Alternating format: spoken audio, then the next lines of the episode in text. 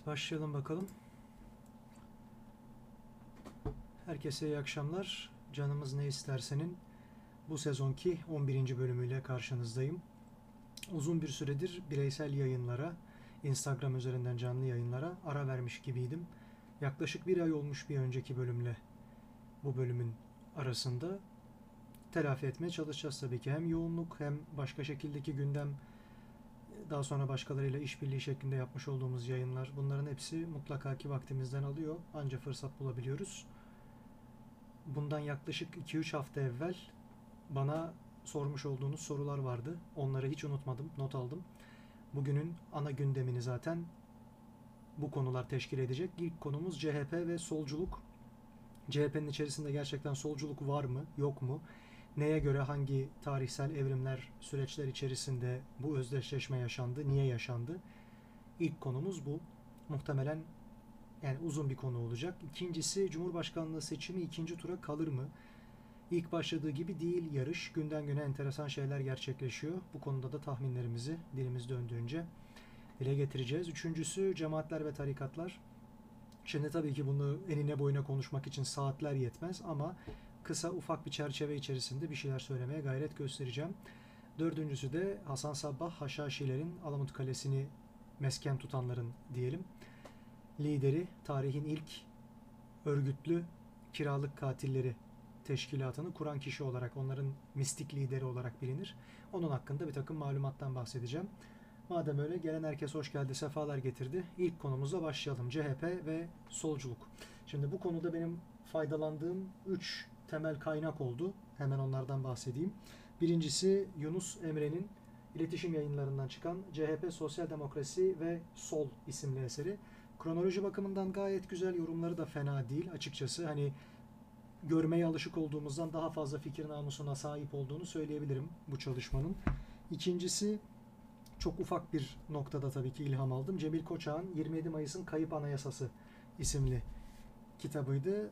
Çok teşekkürler Cem kardeşim. Hoş geldin, sefalar getirdin. Üçüncüsü de gene çok ufak bir atıfla Joseph Schumpeter'in ünlü Kapitalizm, Sosyalizm ve Demokrasi isimli eseriydi. Bunun yanı sıra ucundan bucağından tabii üçüncü konumuza da bağlantılı olarak Ertuğrul Meşe'nin yazmış olduğu gene iletişim yayınlarından çıkan Komünizmle Mücadele Dernekleri isimli eseri faydalandığım kaynaklar oldu ama tabii ki temel anlatımı bunun üzerinden yapacağız. Çünkü güzel bir kronoloji sunuyor açıkçası. Eksik bıraktığı bazı noktalar var. Ben de onu naçizane tamamlamaya gayret göstereceğim. Şimdi efendim CHP bildiğimiz üzere bir takım ilkeler üzerine kurulmuştu. Fakat bu ilkeler temelde vatanı kurmak, kurtarmak ve devamında da insanlara refahına hizmet etmek üzerine tasarlanmıştı. Herhangi bir ideolojiyi benimsediyse eğer bile o solculuk değildi. Hatta sağcılığın da bu işin içerisinde yer aldığını söyleyemeyiz.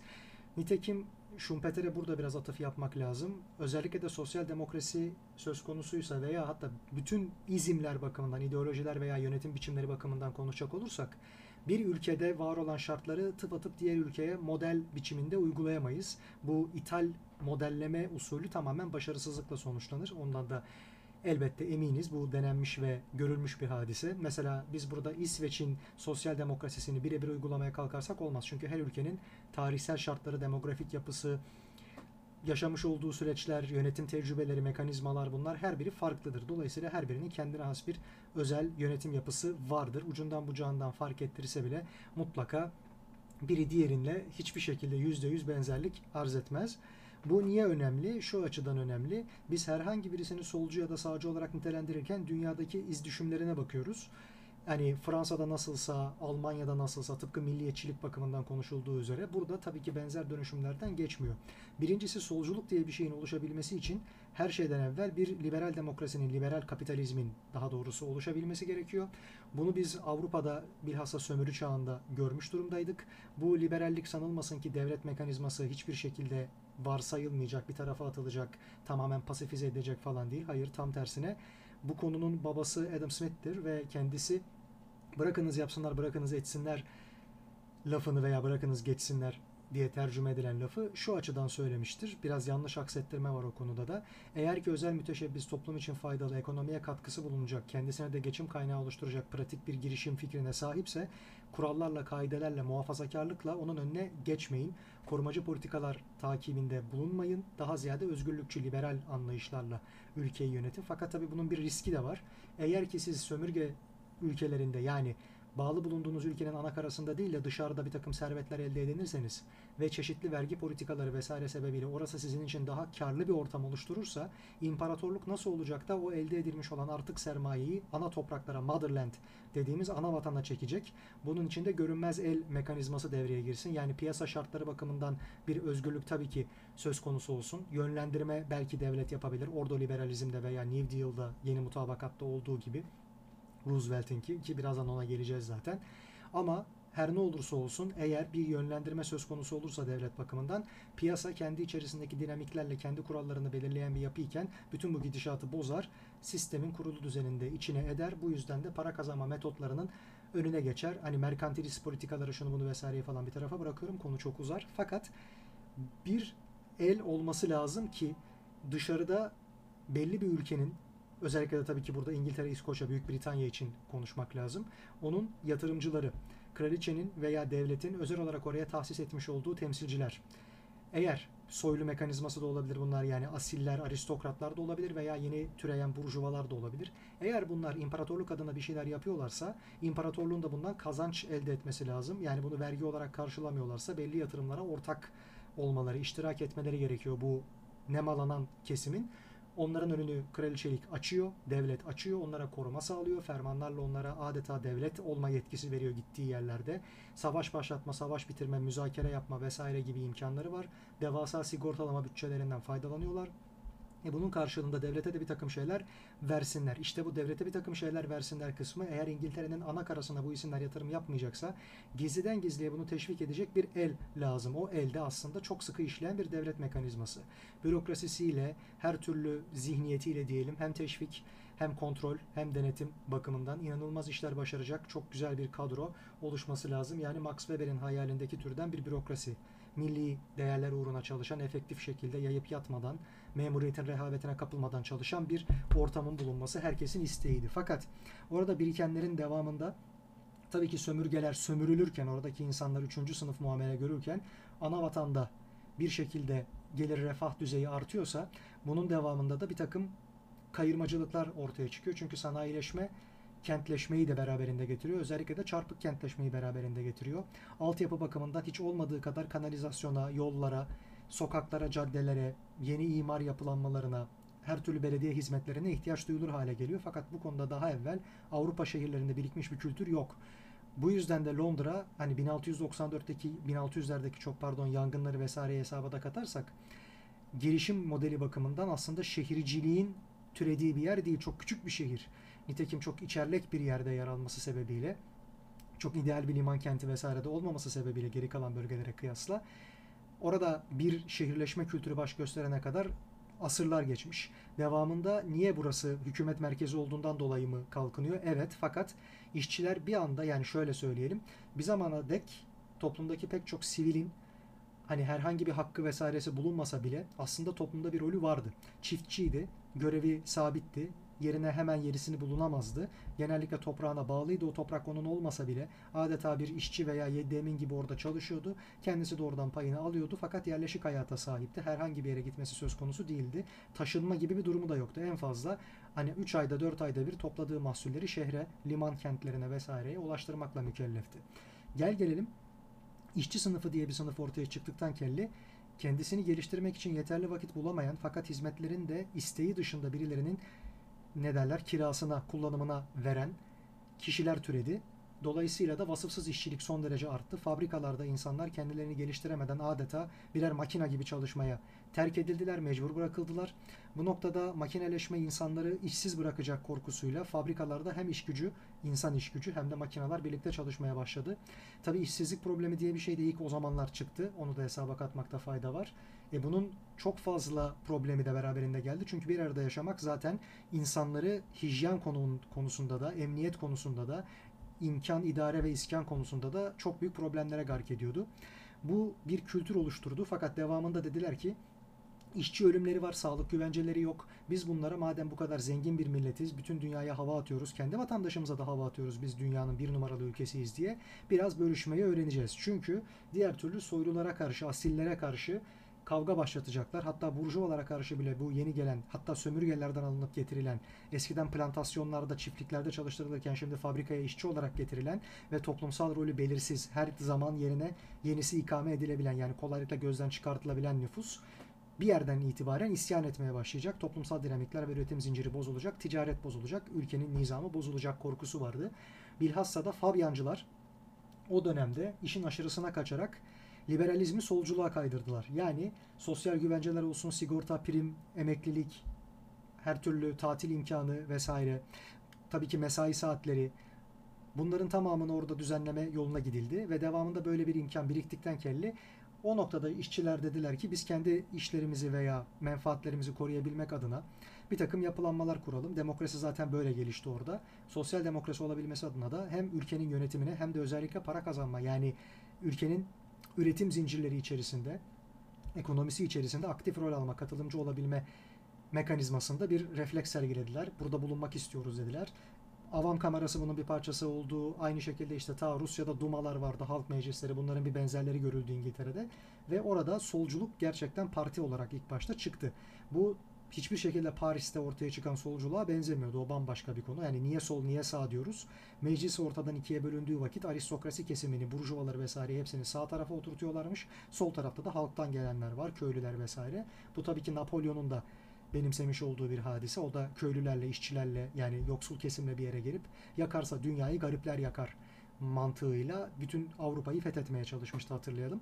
Bu toplumsal dönüşümler sebebiyle 19. yüzyılda Avrupa'nın pek çok ülkesinde sosyal demokratlar partileşmişti, kurulmuştu ve demokrasi bir şekilde işliyordu. Birinci Dünya Harbi bunu çok değiştirdi. İkinci Dünya Savaşı arasında ilginç dönemler geçirildi. Bu dönemde sosyalizm çöküşteydi.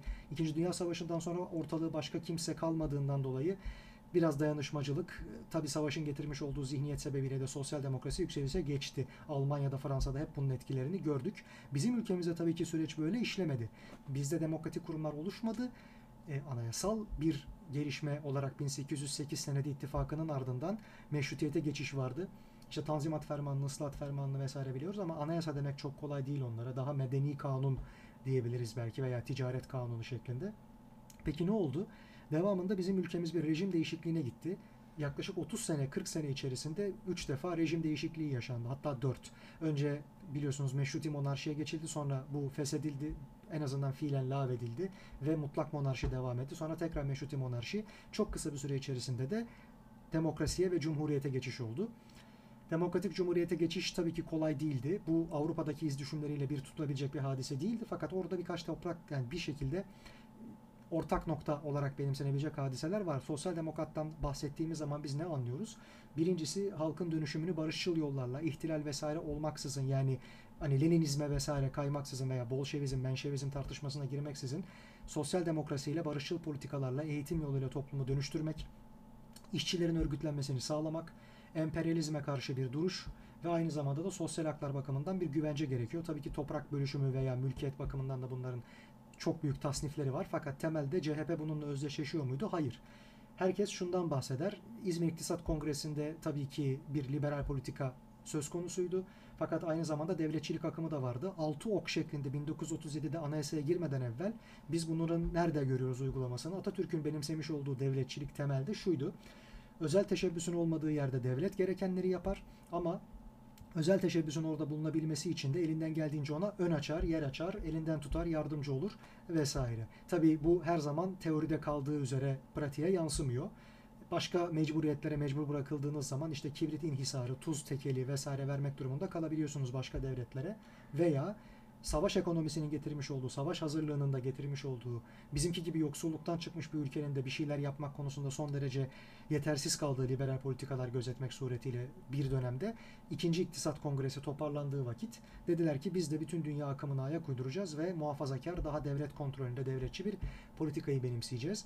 Aslında Atatürk'ün kafasındaki plan yurt dışında solidarizm olarak adı geçen Türkiye'de de tesamüpçülük şeklinde tasviri yapılan bir yönetim modeliydi. Bu aslında bizim sosyal dinamiklerimize, sosyal dinimize diyelim, din pratiğimize son derece uygun siyasal din pratiğinden bahsetmiyorum. Sosyal din pratiği nedir bunlar? Dayanışmacılık. Aslında tam karşılığı solidarizmin dayanışmacılık. Yani toplumsal kimli, kimliklerine, aidiyetlerine, mensubiyetlerine veya imtiyazlarına bakılmaksızın toplumun bütün kesimlerinin birbirine muhtaç olması ve işbirliği yapmak durumunda hissetmesini gerektiren bir sosyal dinamizm, yapılanma kurmak. Bu ticarette de böyle, diğer türlü konularda da böyle, siyasette de böyle her noktada bir dayanışma, bir kardeşlik yani uhuvvet olsun, bir birlik olsun. Bu millet olmanın da demokrasinin de, cumhuriyetin hatta cumhur olmanın da çok büyük bir temel gerekliliğini yansıtabildiğimiz önemli artıları olan bir sistemdi. Fakat savaş sebebiyle dünyada uygulanamadığı gibi Türkiye'de de uygulanamadı. Bir noktada CHP 37'de işte devletçilik, halkçılık, inkılapçılık gibi ilkeleri kendisine düstur edinse bile temelde bunlardan çok bağımsız politikalar takip ettiğini de biliyoruz. Nereden biliyoruz bunu? Tamamen Nazilerin tepkisini üstüne çekmemek ve bir şekilde de bu uygulamalara meydan bırakıp İtalya'nın, İngiltere'nin, Rusya'nın, başka türlü devletlerin bir yanında bulunmayıp tam tersi bir denge, bir tarafsızlık politikası güdebilmek adına mesela 1944'teki o ünlü Turancılık davası açıldı. İsmet Paşa her ne olursa olsun kendisine karşı bir darbe teşebbüsü olabilecekmiş gibi bir yapılanmayı işaret etti orada. En ufak bir hareket. Yani şimdiki gezi olaylarında gezi davası ne kadar mantıklıysa hani bunların elinde bir ehliyet bakımından darbe yapıp ülkenin yönetimini ele geçirmek noktasında nasıl bir imkan vardı? Bunu başarabilirler miydi? Böyle bir ehliyetleri yani bu kadar büyük bir örgütlü güçleri var mıydı? Tabii ki yoktu. Böyle bir niyetleri de yoktu. Ama oradaki yansıma neyse aslında 44 Turancılık davasında da bir benzerini gördük. Çok önemli aktörler burada vardı hatırlayalım. Sabahattin Ali'yi görüyoruz karşı tarafta. Bu tarafta Nihal Atsız kardeşi Necdet Sançar. Aynı şekilde Alparslan Türkeş bunlar tabutluklara konup işkence gördüler o dönemin içerisinde. Reha Oğuz Türkkan sonrasında çok önemli bir figür haline gelmişti. Tabi devamında Osman Yüksel Serden geçtiği de biliyoruz. Bu Osman Yüksel Serden geçtiği ismi niye önemli? Nevzat Tandoğan figürü vardır. Ankara'nın süper valisi. O zamanlar vali, belediye başkanı ve il başkanı diyebiliriz en azından. Aynı kişilerden müteşekkil olabiliyordu CHP tek parti dönemi içerisinde. O noktada da Nevzat Tandoğan'ın Osman Yüksel Ser'den geçtiği çok ünlü bir lafı vardır. Ulan cahil köylü senin bu memlekette iki tane görevin var. Birincisi çağrılınca askere gitmek. Tabi gerekirse bu uğurda ölmek. İkincisi de çiftlik idare etmek, köylüysen eğer orada hizmetini yapmak. Sen kim, siyaset kim, ne karışıyorsun bu işe? Eğer bu memlekete komünizm gelecekse onu da biz getiririz. Bunlar sizin harcınız değil. Herkes kendi işine baksın diye çok kaba bir muamele gösterdiğini de biliyoruz. Böyle bir zihniyet var mıydı? Vardı. Fakat bu kitapta da hakkı teslim edildiği üzere başka ülkelerdeki tek parti zihniyeti açıkçası devletin tek partisi yani tek parti devleti değil devletin tek partisi olma noktasındaydı. Bugünkü eğilimden ve gidişattan böylesi bir fark arz ediyordu. Bu noktada hakkını teslim etmişler. Çok şükür fikir namusuna bağlı kalmışlar diyelim. İnönü'nün böylesi bir Türkçü karşıtlığı yani sağa bir mesafeli duruşu, ortada duruşu aynı zamanda sola mesafeli duruşunu da beraberinde getiriyordu. Hatta Tayfur Sökmen eski Hatay Cumhurbaşkanı biliyorsunuz Hatay önce müstakil bir cumhuriyet oldu. Devamında bize katıldı. Ve orada Cumhurbaşkanlığını kısa bir süre gütmüş olan Tayfur Sökmen, daha sonra oğlu da zaten parlamentoda yer aldı, yer aldı ve yanılmıyorsam Özal'ın Cumhurbaşkanlığı seçiminde orada bulunmadı mecliste, veto etti. SHP ve DYP'li diğer üyeler gibi o da o oynamaya katılmamıştı. Neyse konuyu dağıtmayalım. Tayfur Sökmen böylesi dönemlerde ortanın solu politikasını İnönü bir şekilde deklare ettiği zaman çok sinirlenmişti. Demişti ki seneler boyunca Türkçü ve sağcıları faşist, solcuları da komünist olarak yaftalayıp mahkemelere sevk eden, Nazım Hikmet'i buraya yaklaştırmayan, diğer başka insanlara Sabahattin Ali'leri şunları bunları şeytanlaştıran İnönü nasıl olur da solculuğa sahip çıkar, nasıl olur kendisini ortanın solcusu ilan eder, ortanın solu ilan eder. Böyle bir şey olamaz, bu bir terbiyesizliktir diyerek tepkisini göstermişti. Bu noktada aslına bakarsanız e, CHP'nin 1946'da çok partili hayata geçildikten sonra bir hükümeti daha var bildiğiniz üzere. Orada şaibeli bir seçim dönmüştü ve devamında Demokrat Parti'nin iktidara geldiği Yeter Söz Milletindir'in vuku bulduğu bir 1950 seçimleri gerçekleşti.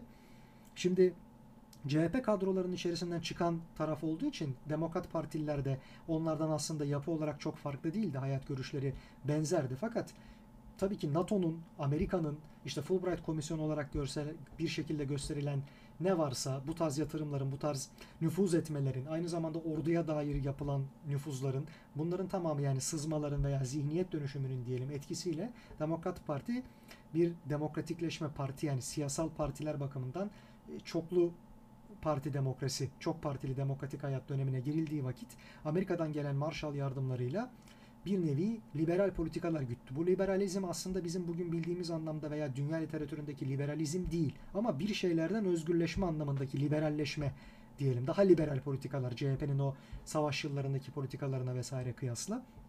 Ve bir bir şey daha oldu.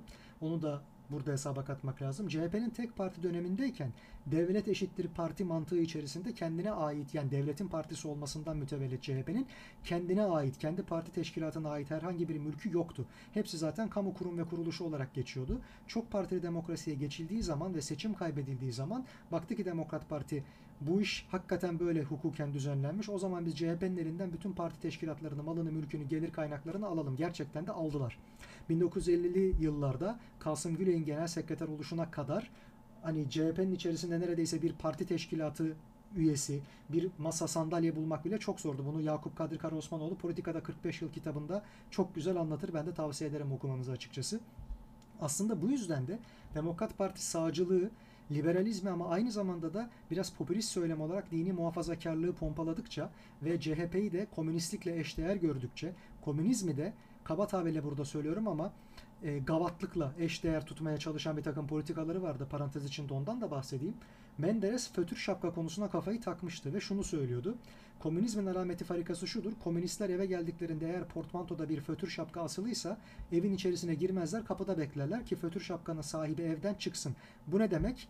Evde eğer bir hanımınız varsa ve siz eve geldiyseniz ve evde bir fötür şapka yani bir erkeğin daha olduğunu görüyorsanız hanımınızı kıskanmazsınız, olay çıkarmazsınız, beklersiniz ki işlerini bitirirler. Ondan sonra medeni bir şekilde eve gelip sıranızı beklersiniz ve evinizde oturmaya devam edersiniz diye çok çirkin, çok bel altı, iğrenç popülist uygulamalara imza atmış mıydı? Evet atmıştı. Yani bugünkü seviyesizlik o zamanda da aslında vardı. Hiçbir şey bugün görüldüğü üzere orijinal değil temelde. Ha daha fazla katsayı olarak bir şeyler görüyoruzdur. O ayrı bir konu ama zihniyet böylesi maalesef çirkin ikileşmelere de gitmişti. Bu yüzden de CHP aslında komünizmle solculukla hep özdeş tutuluyordu.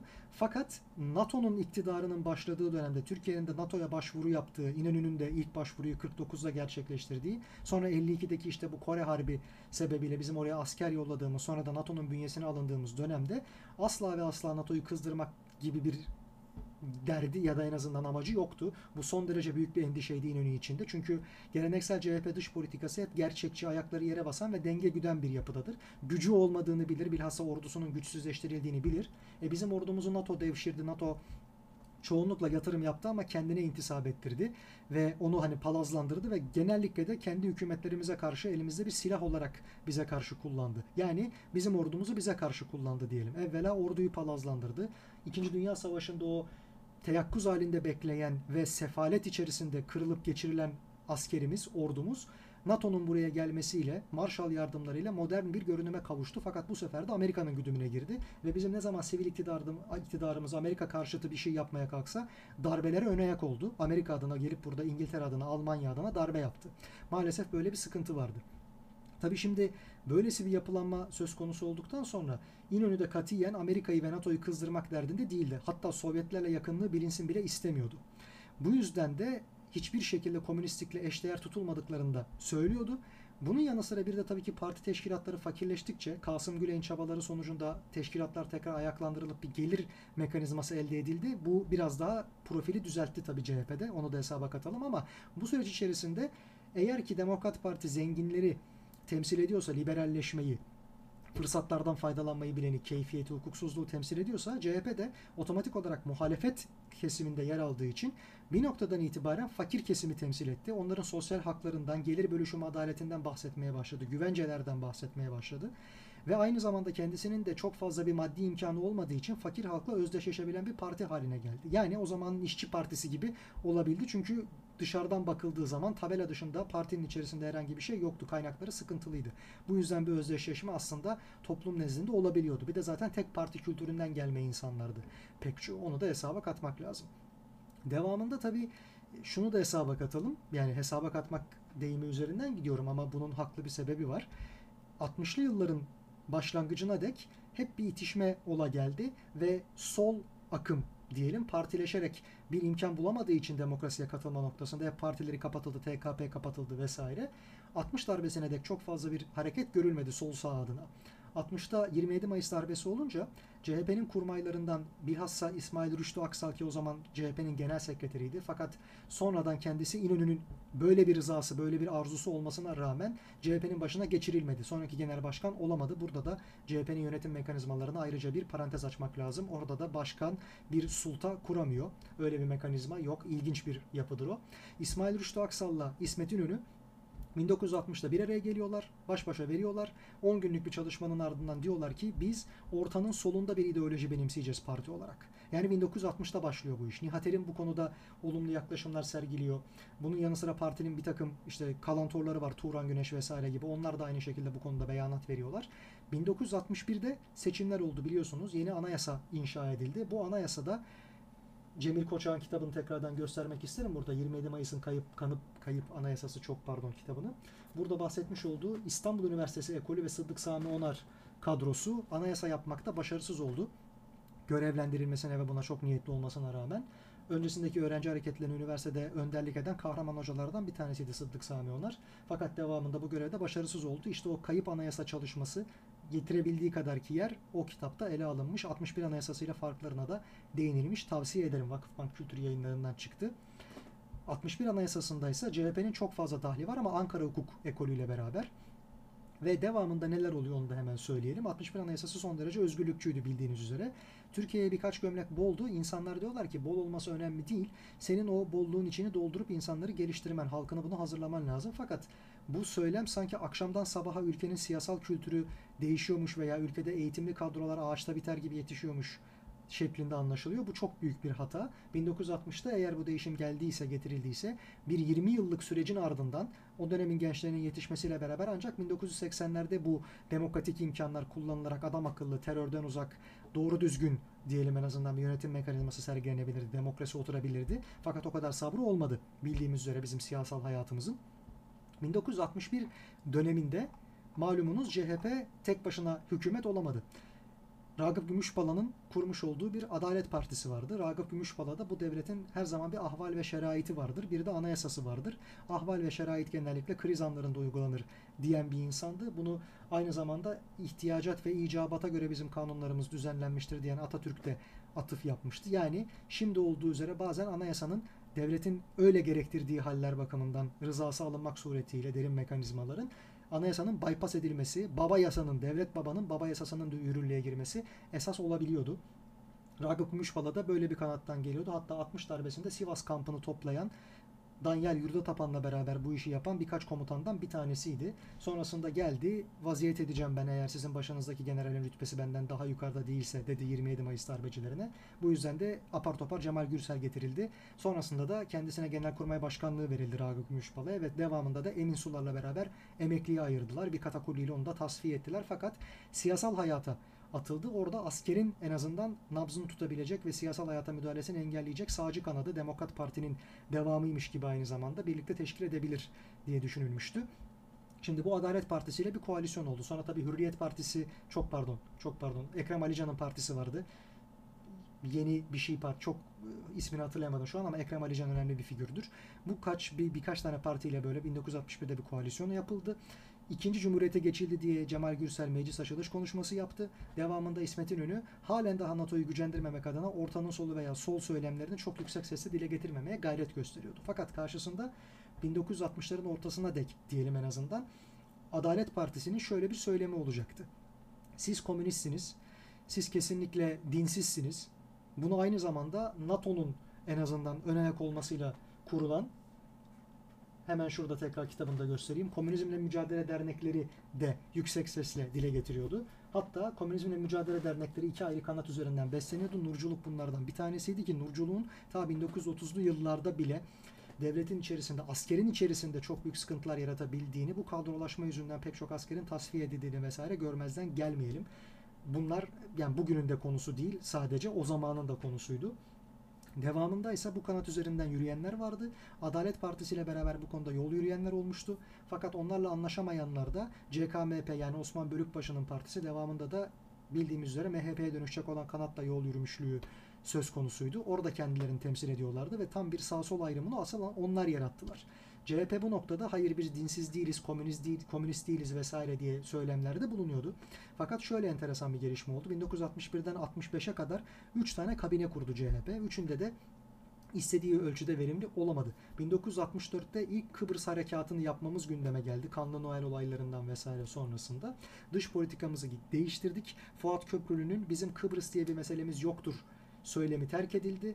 Taksim isteriz, Kıbrıs Türklerindir şeklinde eylemler ortaya çıktı. Biliyorsunuz 1955'te 6-7 Eylül olayları olmuştu. Devamında bu gündeme geldi. Fakat Kıbrıs konusunda çok fazla bir şey yapılamadı. O noktada Fatih Rüştü Zorlu'nun, Alparslan Türkeş'in, tabii ki Rauf Denktaş'ın, Fazıl Hoca'nın aynı şekilde çok büyük katkıları vardır. Türk Mukavemet Teşkilatı ile oradaki yapılanmalarda. Sene 1964 olduğu zaman orada tekrardan olaylar ortaya çıktı biliyorsunuz. Nikos Samson darbesi oldu devrildi oradaki papaz ve devamında askeri bir yönetim, bir junta Enosis'i Yunanistan'la birleşme hayalini gerçekleştirmeye çalıştı. Biz İngiltere'yi tekrar devreye sokmayı denedik fakat İngiltere bu konuda çekimser kaldı. Biz garantör ülkeydik. Devamında İnönü Amerika'yı da bu konudan haberdar edercesine gelin bakın yoksa çıkartma yaparım vesaire diyerekten bir takım yoklamalarda, blöflerde bulundu. Bu noktada tabii kendi meclisinin gazını da alıyordu. Çünkü biz de bir şey yapmıyor değildik. Bakınız çıkarma yapacağız, hazırlık yapıyoruz. Fakat Amerika buna izin vermiyor diyordu. Amerika gerçekten de buna izin vermedi. Devamında da şöyle bir enteresan durum oldu. İnönü dedi ki gerekirse yeni bir dünya düzeni kurulur ve Türkiye'de o dünyada yerini alır. Bunun üzerine Johnson mektubu Lyndon Johnson o zaman yeni seçilmişti. Johnson mektubu geldi. Herkes kronolojik sırayı ters alıyor İnönü'yü kahramanlaştırmak için. Sanki İnönü Johnson mektubunun üstüne bunu söylemiş gibi anlatılıyor belgesellerde. Fakat kronolojik olarak durum böyle değil. İnönü böyle bir söylemi ilk başta Time dergisine yan, yanılmıyorsam Time dergisi olması lazım bahsediyor. Biz tekrar çıkarma yapacağız vesaire vesaire biz bunu bir şekilde yapacağız diye. Fakat devamında diyorlar ki Amerikalılar bir dakika kardeşim bizde başkan yeni öldürüldü. Kennedy suikasta kurban gitti. Biz sizdeki Jüpiter füzelerimizi 62'deki Küba füze krizi durumunda bu eksnada diyelim çektik. Bunun karşılığında Sovyetler de Küba'dan geri çekildiler. Bunun çerçevesinde siz korumasız kalmış durumdasınız. Biz size yardım edelim istiyorsanız eğer bizim hilafımıza bir şey yapmayacaksınız. Biz ne diyorsak o olacak. Devamında da zaten bir NATO üye ülkesi bir başka NATO üye ülkesine karşı yani Yunanistan'a diyelim karşı bizim NATO'nun silahlarını kullanamaz. Kendi silah ve cephaneliğiniz varsa buyurun kullanın. Bizde yoktu. Hatırlarsanız belki hani o dönemi yaşamış olanlar hayatta mıdır veya takipçilerimiz arasında var mıdır bilmiyorum ama okuyup araştırıp öğrenmiş olanlar da gayet mevcuttur diye tahmin ediyorum. Bizim o dönemlerde donanmamız olmadığı için şehir hatları vapuruyla askerin çıkarma yapması gündemdeydi Kıbrıs'a. Ağır sanayinin gelişimi adına da bir takım tedbirler alındı. Demirel'in gelmesi sonra MSP, CHP koalisyonunun kurulması vesaire hep bu sürecin ürünleridir. Bizim kendi ordumuzu kurmamız, hatta bizim kendi Ege ordumuzu inşa etmemiz yani NATO'dan bağımsız bir ordumuz olsun. Sadece onların emir komutası altına girmeyelim vesaire diyerekten. 64'te İnönü böyle bir çıkış yapıp da Johnson mektubuyla karşılaşınca buz gibi bir hava esti tabii ki.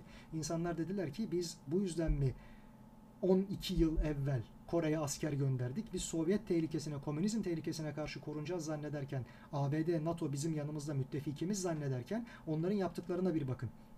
Bağdat Paktı, Balkan Paktı, Sadabat Paktı bunların hepsinin yıkılmasına onlar sebep oldular zaten.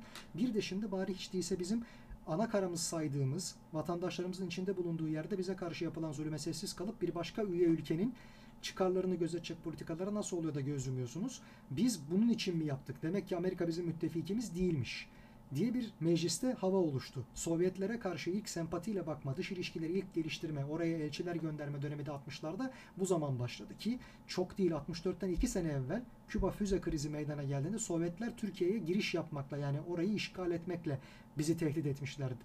Niye? 60'ta da U-2 uçağı Türkiye'den havalanmış belli. Casus uçak Sovyetler topraklarında düştü. Biz bu konuda ultimatom yedik.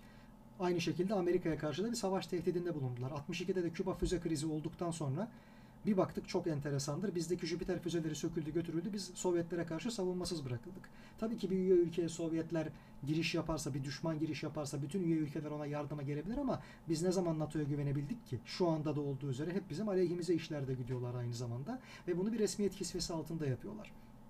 İnönü'nün tabii ki şöyle enteresan bir tutumu vardı. Evet, gerçekten de yeni bir dünya kurulur. Orada da biz yerimizi alırız dedi Time dergisine. Bunun üstüne Johnson mektubu geldi. Hayır efendim siz kendi başınıza hiçbir şeye kalkışmayın. Yoksa Sovyetler bir şey yaparsa bunun karşılığında çünkü oradaki biliyorsunuz 60 dönemi içerisinde 64'e kadar olan ki o Papa Makarios muydu? Makarios iktidarı Sovyetlerle yakındı. Diğer taraftaysa Nikos Samson darbesi cuntacılarla yani sağcı cuntayla 67'de başa gelmiş olan albaylar cuntasıyla yakındı Yunanistan'a. Bu durumda eğer Sovyetler de Kıbrıs'taki olaylara müdahale etmek isterse biz sizi korumayız bak. O yüzden de çıkartma yapmayın. Bizim sözümüzden çıkmayın dediler. İnanılmaz bir gerginlik oldu Amerika ile aramızda. Tabii ki o zaman bizim gücümüz Amerika'ya kafa tutmaya yetmezdi ama içten içe de onların hakiki müttefik ve samimi olmadığını, NATO'nun bizim beklediğimiz gibi bir şey olmadığını, menem bir hadise olduğunu gördük. Bunun yanı sıra İsmet İnönü biliyorsunuz 1964'te İstanbul Rumlarının pek çoğunu aynı zamanda adalardaki pek çok Rum'u da Yunanistan'a sürgün etti. Aynı şekilde oradaki ruhban okullarını veya kiliseleri de kapattı. Bunun da tabii ki büyük bir etkisi vardır cevap verme adına. Sonrasında neler oldu? Şimdi planlı ekonomi bakımından da eğer siz solcuysanız planlı ekonomiye destek vermeniz gerekir. Fakat 1960'ta bu darbe olduktan kelli Demokrat Parti indirildikten sonra diyelim en azından sermayedarlarla işbirliği yapabilmek ve hükümeti ele alabilmek adına geçici süreliğine İsmet İnönü planlı ekonomiyi terk etti. Hiçbir şekilde ben böyle bir şey yapmayacağım dedi. Bu yüzden de 62 senesinde DPT'nin üst kadrosu Ricali istifa etti. Madem bizim görüşlerimize uyulmuyor bizim burada işimiz yok diye. Fakat 64'ten sonra 1965'te Adalet Partisi Amerika'ya ben seninle daha iyi yol yürürüm diye göz kırptı. O zamanlar Ragıp Gümüşpala vef vefat etmişti. Saadettin Bilgiç'in yerine de Süleyman Demirel bir organizasyonla diyelim en azından başa geçirilmişti. Süleyman Demirel çok genç bir isimdi. Milletvekili değildi ama parti genel başkanı olarak orada parlamentoda bir nevi staj yapıyordu 64-65 arasında. Ve 65 senesinde senelik bütçe görüşmeleri yapılırken CHP, İnönü hükümeti yani güven oyu alamadı ve hükümet düştü. İlk defa Demirel İnönü'ye karşı bir zaferi demokrasi ile kazanmış oldu. Hükümeti bu şekilde düşürdü. Sonrasında da 65 genel seçimleri yapıldı ve tek başına iktidar olmaya hak kazandı aslında. Adalet Partisi. O dönemde de 1965 senesinde sizin politikanız nedir o zaman dendiği zaman dendiği vakit İnönü şöyle diyordu. Şimdi birincisi iki tane hatta üç tane unsuru var. Unutmayalım. Amerika'ya karşı bir sert söylem ortamı doğmuştu. Kıbrıs Barış Harekatı yapılacak mı 64'te yapılmayacak mı? Bizim sorunlarımıza bir şekilde cevap bulacak mı bu ittifak falan diye beklediğimizi bulamamıştık. Bu yüzden de Amerika'nın veya NATO'nun aleyhine konuşmaktan çekinmeyen bir İnönü görmüştük. Aynı zamanda hükümetten de düştü. Onu da hesaba katalım. İkincisi şunu tabii görüyoruz. 1965 senesinde kendileri Komünizmle Mücadele Derneği sizce nedir? Adalet Partisi niye size bu kadar dinsiz veya komünist diyor diye sorduğu vakit İnönü şunu söylemişti. Komünizmle Mücadele Dernekleri SS Tugaylarının artıklarını yani Reinhard Gehlen Teşkilatı'nın ve devamının kurmuş olduğu bir teşkilattır. Maalesef ki sene 1965 maalesef ki bizim Cumhurbaşkanımız da onların onursal başkanıdır. Cemal Gürsel yani. Bunları söyleye söyleye bir kamuoyu baskısı oluşturdu ve Cemal Gürsel'i ölümünden evvel Gürsel'in istifa ettirdi onursal başkanlığından o yapılanmaların ve SS teşkilatı olduğuna yani Nazilikle alakadar olduğuna veya aynı istihbarat kadrolarının orada yer aldığına dair İnönü'nün açıklaması var. Böyle iki tane pozisyonu söz konusu. Adalet Partisi onları solculukla, komünizmle suçluyor. Onlar da diyorlar ki hayır biz komünist değiliz. Fakat aklınızda olsun ey Amerika siz bize böyle bir şey yaptınız. Biz de bu noktada politikamızı ortanın soluna çekiyoruz. Biz sağcı değiliz, sizden taraf değiliz, ortanın solu tarafındayız. Bir de tabii şöyle üçüncü bir durum vardı. İkinciyi de tekrar sıralayayım. İkinci neydi? Biz bu noktada Komünizmle Mücadele Derneği veya Adalet Partisi bizi komünizmle itham ediyorsa bilin ki onlar da aslında Nazi teşkilatlarıdır.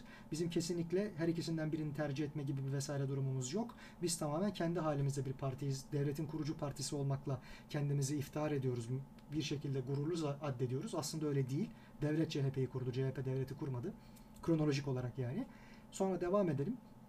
Bir de üçüncü durum vardı. 1961 Anayasası sayesinde hem soldan hem sağdan görüşler siyasal düzlemde parti düzeyinde temsil edilebilmeye ve meclise girmeye hak kazanıyorlardı. Çünkü seçim kanunu baraj diye bir şeyi şimdikinin aksine o zaman öngörmediğinden dolayı bir takım partilerin 3 milletvekili, 5 milletvekili, 15 milletvekili vesaire alarak meclise girmesi çok daha kolaydı. Nitekim tip o dönemki seçimlerde 15 milletvekili çıkarmıştı yanılmıyorsam. Önce 3 sonra 15 milletvekili iki ayrı seçimde ve bu noktada baktılar ki sağa karşı Demokrat Parti veya Adalet Partisi'ne karşı sol yükselişte ve sol çok popüler, gençler arasında çok popüler.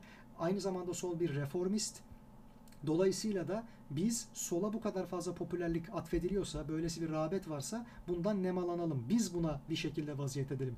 Sol da biz olalım ama ne çok sol olalım, Sovyetlerden tarafmış gibi görünüp Amerika'yı bu kadar fazla kızdıralım ne de sağcı olup tipe işçi partisine gösterilen ilgiden mahrum kalalım. O yüzden de ortanın solu güdümünde kaldılar. Soldaki baskı daha fazlaydı.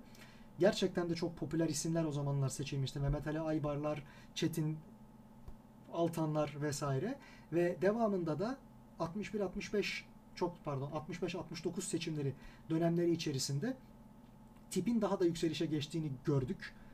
Devamında 1971'de hepimizin malumu olduğu üzere bir muhtıra verildi. Şimdi bu muhtıraya dek aslında birkaç gelişme yaşandı. Hemen onlardan bahsedeyim. 1966 senesinde bir parti genel sekreterliği seçimi oldu. Burada Bülent Ecevit diğer rakiplerinin önünde seçildi.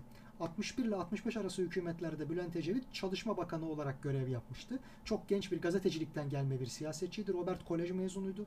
Amerika'da yüksek öğrenim görmüştü. Yani üniversite değil ama ona eşdeğer bir öğrenim. Üniversite mezunu değildi ama o zamanlarda mesela Henry Kissinger'la öğretmen-öğrenci ilişkileri olmuştu. Daha sonradan bunu çok fazla siyasette gördük. Kıbrıs çıkarmasında vesaire aralarındaki ilişkiyi. Aynı zamanda da Bülent Ecevit tam ortanın solu politikasını resmileştirip bir ferman yazar gibi parti politikası programı haline dönüştürüp tatbik etmeye çalışan isimdi. Bu konuda çok hevesliydi. Bu noktada aslına bakarsanız 66 aynı zamanda bir başka sebepten ötürü özel bir tarihtir. 66'da senato seçimleri oldu. Senatonun belli kontenjanları yenilendi. Burada da bu seçim esnasında da ortanın solu politikasıyla tekrardan gitme kararı aldılar. Niye? 1965 seçimlerinde ortanın solunu biz artık benimsiyoruz. Partimiz bununla özdeştir diyerek kampanya yapmışlardı. Akis dergisi ki Metin Toker yani İsmet İnönü'nün damadının dergisidir. Onun propagandalarıyla beraber çok yoğun sesi duyulmuş ve ortanın soluyla CHP özdeşleşmişti. Fakat 65 seçimlerinden hezimetle çıkılınca oy oranı %30'un altına ilk kez düşünce CHP'nin ortanın solu herkes tarafından öcü gibi karşılanmaya başlandı. 66'da ise Bülent Ecevit'in genel sekreterliğe gelmesiyle ortanın solu kesin bir parti politikası ve program olarak kabul edilmeye başlandı. Bu oylandı yani. Aynı durum aynı seçimlerde 66'da bir başka oylama daha vardı. Herkes onu maalesef görmezden geliyor. Bunu da çok güzel CHP kurultaylarıyla alakalı bir kitap vardı. Hatırlayamıyorum. İletişim yayınlarından çıkmıştı. Kütüphanede vardır ama daha sonradan ben ismini yazarım isterseniz. Orada gayet net görülüyor. Ecevit genel sekreterlik için seçimde yarışırken bir de genel başkanlık seçimi vardı ve İsmet İnönü'ye karşı Kasım Gülek yarışıyordu. Az farkla Kasım Gülek kaybetti. Yani bu dönüşüm tamamen gerçekleşmiş olsaydı Genel Sekreter Ecevit, Genel Başkan Kasım Gülek olacaktı. Çok ilginç bir CHP seyredebilirdik o zaman. Kasım Gülek'in de Fethullah Gülen'i icat eden diyelim en azından ve kalkındıran, muhafazasını altına alan, dünyadaki bütün örgütlenmelerle, istihbarat teşkilatlarıyla görüştüren, buluşturan ve var eden kişi olduğunu biliyoruz bu noktada. Tabii ki tek başına değil ama Kasım Gülek hani Moon Kilisesi'nin üyesi olan birisidir. Çok ilginç bir karakterdir. Velüt diyelim aynı zamanda kendine ait mizahı olan da bir isimdir. Ama tabii şu an Kasım Gülek'in tartışmasını yapmayacağız. Devamında bu seçimlerden Genel Başkan İnönü ama Genel Sekreter Ecevit olacak şekilde bir neticeyle ayrıldı CHP ve partinin resmi ideolojisi artık ortanın soluydu. Sonrasında 67'de bunun üzerine CHP'nin daha sağcı muhafazakar gelenekçi tarafını teşkil eden Turhan Feyzioğlu partiden ayrıldı. Cumhuriyetçi Güven Partisi'ni kuracaktı daha yıllar sonra ve Milliyetçi Cephe hükümetlerinde vesaire ilkinde ortak olarak yer alacaktı. İlki miydi, ikincisi miydi? İlki olması lazım. Neyse yanılıyor olabilirim ama ikisinden bir tanesinde vardı. Bir de bunun üzerine gene enteresan Kamil Kırıkoğlu olması lazım.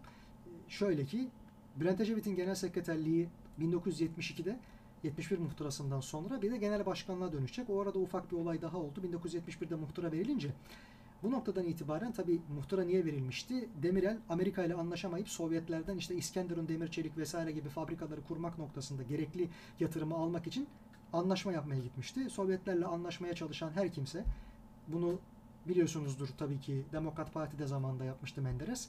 Darbeden hemen önceki çağrıydı diyelim ya da bardağı taşıran son damlaydı bu. Aynı şey Demirel'de de oldu. Ve Demirel ki o Demirel şimdiki gibi hani acaba seçimle gitmeyecek mi? Tek adamlığa gidiyor parti içerisinde. Ne yapacağız da biz Demirel'in önünü kesip demokratik teamülü kurtarabiliriz? 61'de bu darbe yapıldı demokrasi tekrardan gelsin diye ama Demirel oyların hepsini kendine topladı. İkinci kez üst üste tek başına iktidara gidiyor ve her seferinde oylarını arttırıyor yaptığı hizmetlerden, topluma dair hitabından, onlarla özdeşleşebilmesinden ötürü bir karşılığı var. Ne yapacağız, ne yapacağız diye korkuyu psikolojisi hakimken 71'de gene muhtıra verildi. Hem de cuntalar birbirine girdi biliyorsunuz. 9 Mart cuntası, 12 Mart cuntası vesaire vesaire. Devam edelim.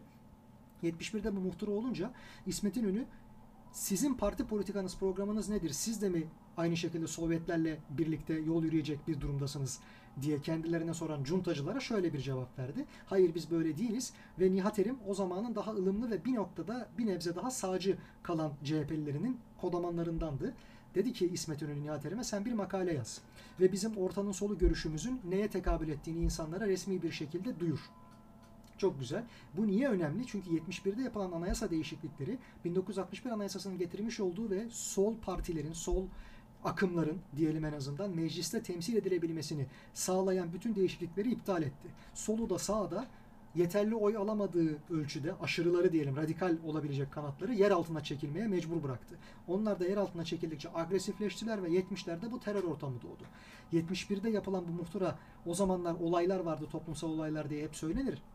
Biliyorsunuz dar ağacında 3 fidan yani deniz gezmişlerin asılmasından sonra Tabi sağcılardan da öldürülenler oldu. Aynı şekilde Kızıldere'de olaylar oldu. Fakat olaylar durulmadı. Askeri yönetime el konulduktan sonra yeni hükümet iş başına getirildi. Teknokratlarla Nihat Erim bir hükümet kurdu. Bir sivil hükümet diyelim en azından. Fakat gene de pek çok yerde olağanüstü hal ve sıkı yönetim ilanı devam etti. Yani toplumsal olaylar durmadı. Demek ki Adalet Partisi'nin iktidarıyla veya Demirel'le alakalı şeyler değilmiş bunlar. O arada çok fazla olay yaşandı ama şuna gelmek için anlatıyorum. 71'de bu olup da sol partiler kapatıldıktan veya pasifize edildikten sonra diyelim siyasal ömürlerinin devam etmesine izin verilmedikten sonra Nihat Erim şöyle bir makale yazdı. CHP'nin ideolojisinin meşruiyetini sağlamak adına. Bizim ortamın ortanın solu politikamız Franklin Roosevelt'in 1933'te getirmiş olduğu New Deal yani yeni mutabakatıyla benzer şekildedir aynı izlerden devam ediyoruz. Orada uygulanan politikalar yani devletin özel sektöre korumacı ve müdahaleci ve hatta yönlendirici yaklaşması, onlar için gerek duyulan altyapı imkanlarının sağlanması, gerek geçerli bütün ihalelerin yapılarak onların desteklenmesi ve para kazanması gibi tedbirleri uyguladılar ve bu sayede de Amerikan özel sektörü kurtuldu ve Amerika dünya devi oldu. İkinci Dünya Savaşı'nı kazanıp da dünyanın bir numaralı süper gücü olabilecek kıvama bu politikalar sayesinde geldi.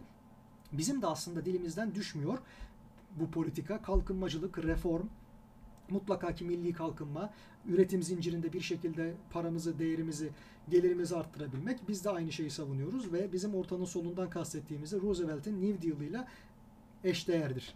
Bunu bu şekilde Nihat Erim formüle etti ve İsmet İnönü bunu çok benimsedi. Hatta sonrasında dedi ki biz aslında bakarsanız 1937'den bu yana resmi politik olarak devletçiliği taşıyoruz içimizde. Halkçılığı taşıyoruz. Bizimkisi aslında bir sosyal demokratlıktır. Halbuki uygulamalarda falan böyle bir şey yok. Partici demokrasisi noktasında da böyle bir şey yok. Temelde onu da hesaba katmamız lazım. Tabii şunu da hiç unutmayalım. E, CHP'nin bu o zamana kadar toprak reformu konusunda söyledikleri çok aslında kıtıpiyoz şeylerdi. Nasıl? Evet, tarımı modernize etmeliyiz. Tarım bizim milli kalkınmamızda önemli bir gelir kalemi olacak. Çünkü sanayimiz aslında halen daha yetersiz. Katma değeri yüksek sanayiyi o zaman da kuramıyorduk. Sadece çimento fabrikaları, montaj fabrikaları vesaireler vardı. Bugün görmüş olduğumuza benzer bir tabloydu. Hiçbir zaman gelişmemize müsaade edilmedi maalesef. Bunun yanı sıra biz ne yapabiliriz? Tarımı mutlaka ki bu tahıl ambarıdır Türkiye bütün dünyanın. İkinci Dünya Harbi'nde de bunu gördük zaten. Bunu modernleştirelim. Buradan daha verimli bir politikayla daha iyi şeyler elde edelim. Ama bunun bir tabi yansıması da var. Bu da kitapların çoğunda es geçiliyor. 1967 senesinde bize Amerika kendi toplumsal olayları ve uyuşturucuya dayalı çok fazla sıkıntının çıkması, Vietnam Savaşı'ndan ötürü bütün halkın orada işte savaşma seviş politikası gütmesi ama kontrolsüz cinsellikle, korunmasız cinsellikle AIDS'in çok fazla artması veya birilerinin AIDS mikrobunu topluma salması, aynı zamanda haşhaşın, crack dedilen taş koka kokainin bütün toplumda bilhassa siyahi kesimler tam sosyal haklarını, sivil haklarını elde etmeye başlamışken onlara musallat edilmesi ve onların toplumda ikinci derece vatandaşlık statüsüne korkulan bir zümre olmaya itelenmesi vesaire bunlar yaşanıyordu. O zamanki Amerikan başkanı da gelip dedi ki Demirel'e o zaman 67 Demirel iktidardaydı. Gene bir Kıbrıs krizi olmuştu hatırlatırım o dönemde de Demirel bunu ustalıkla manevrayla geçiştirmişti ve o noktada bir Maalesef gene biz Kıbrıs'a çıkartma yapamadık ama sular durulmuştu bir yerde.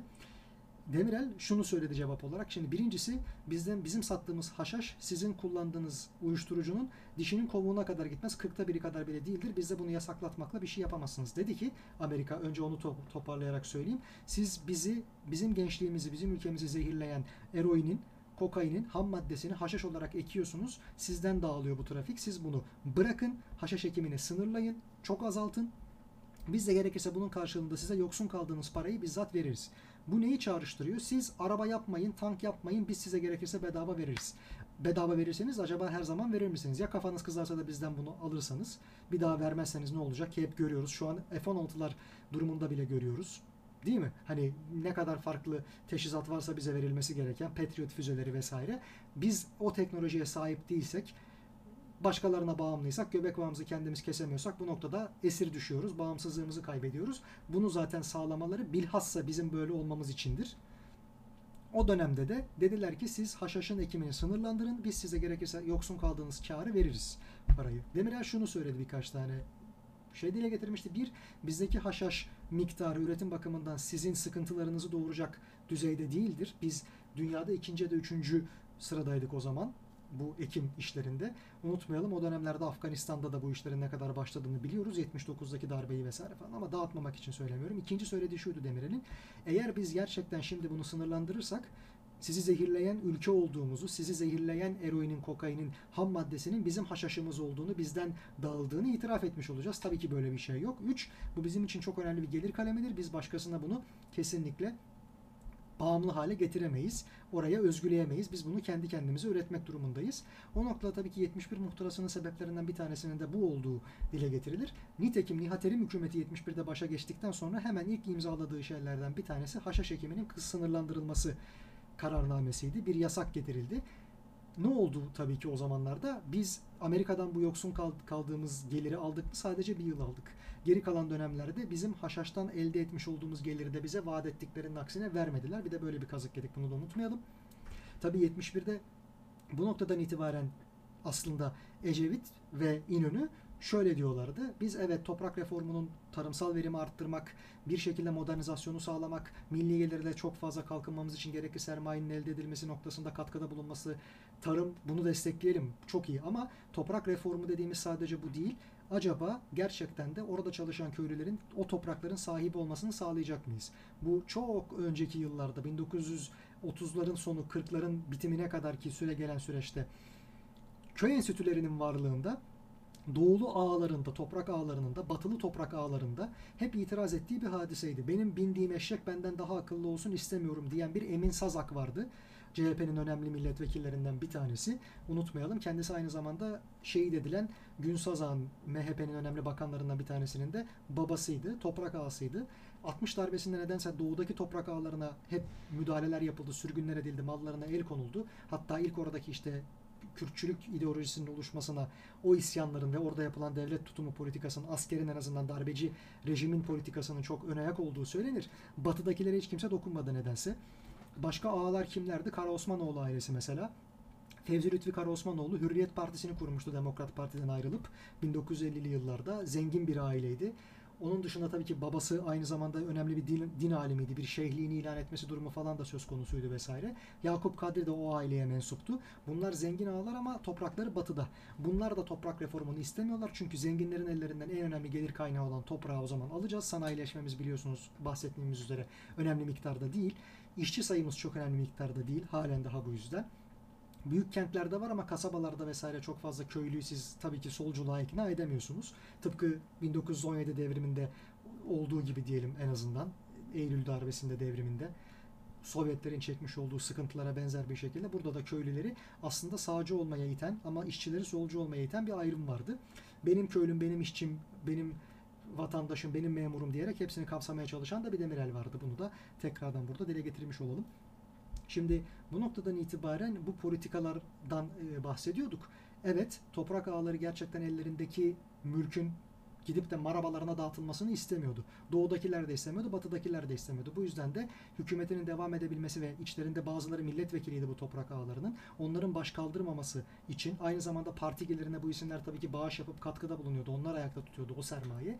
Bundan da yoksun kalmamak adına CHP yutkundu. Ama İnönü 71'deki olaydan sonra, muhtıradan sonra Ecevit'e dedi ki tam sen devam et.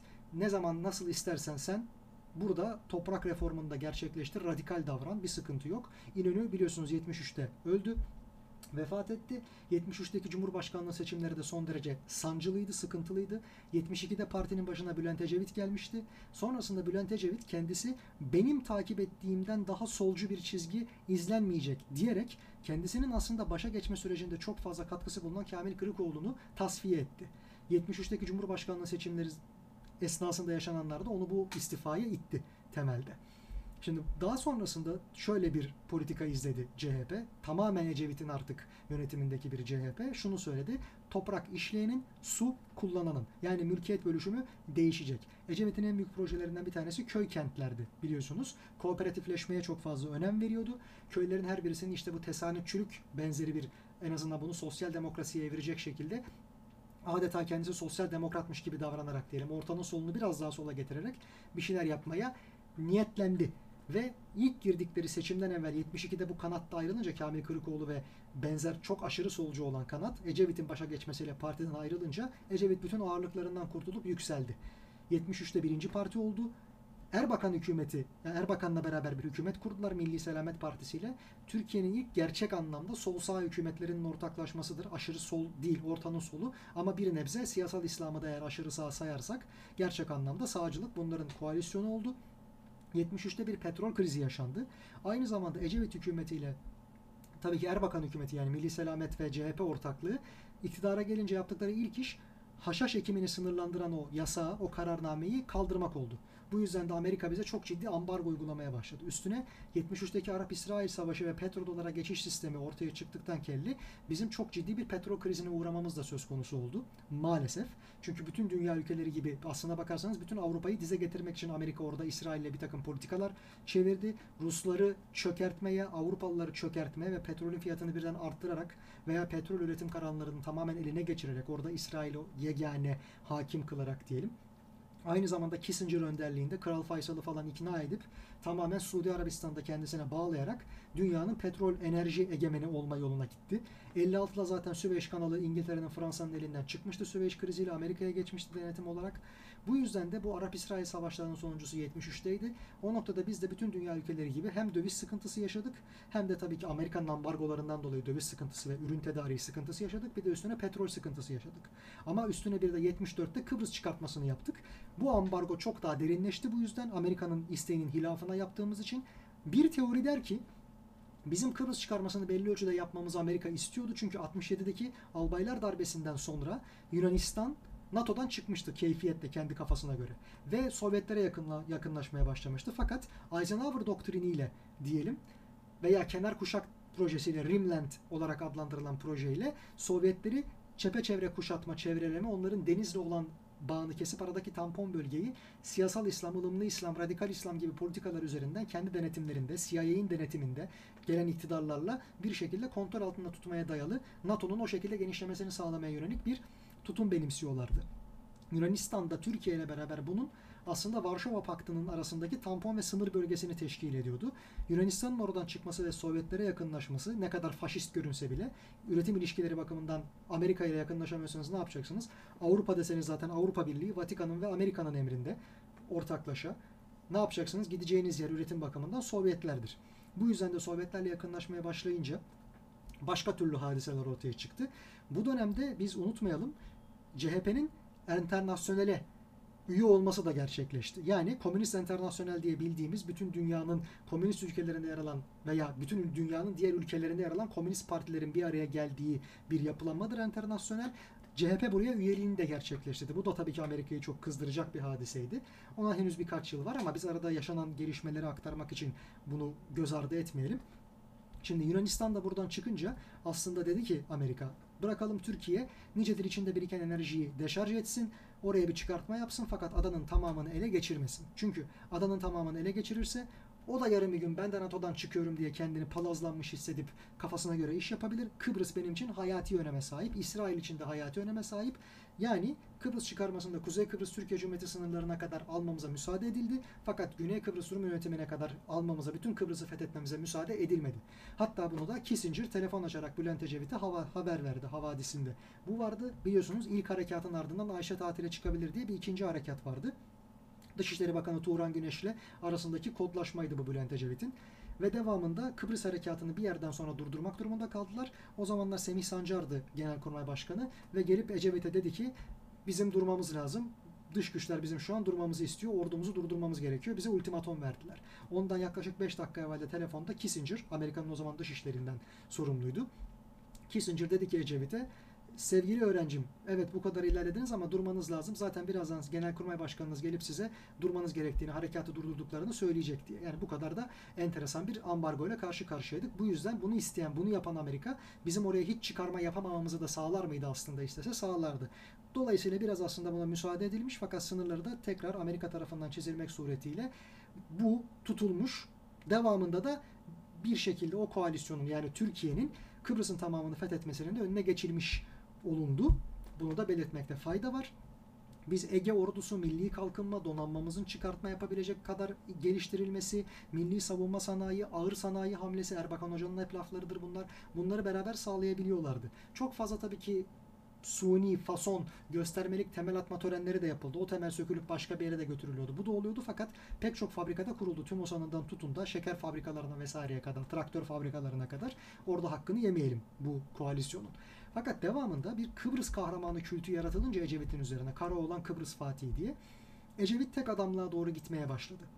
Ve sosyal politikalarını nasıl istiyorsa öyle yapabileceğini, sosyal demokrasiyi böyle işletebileceğini düşündü.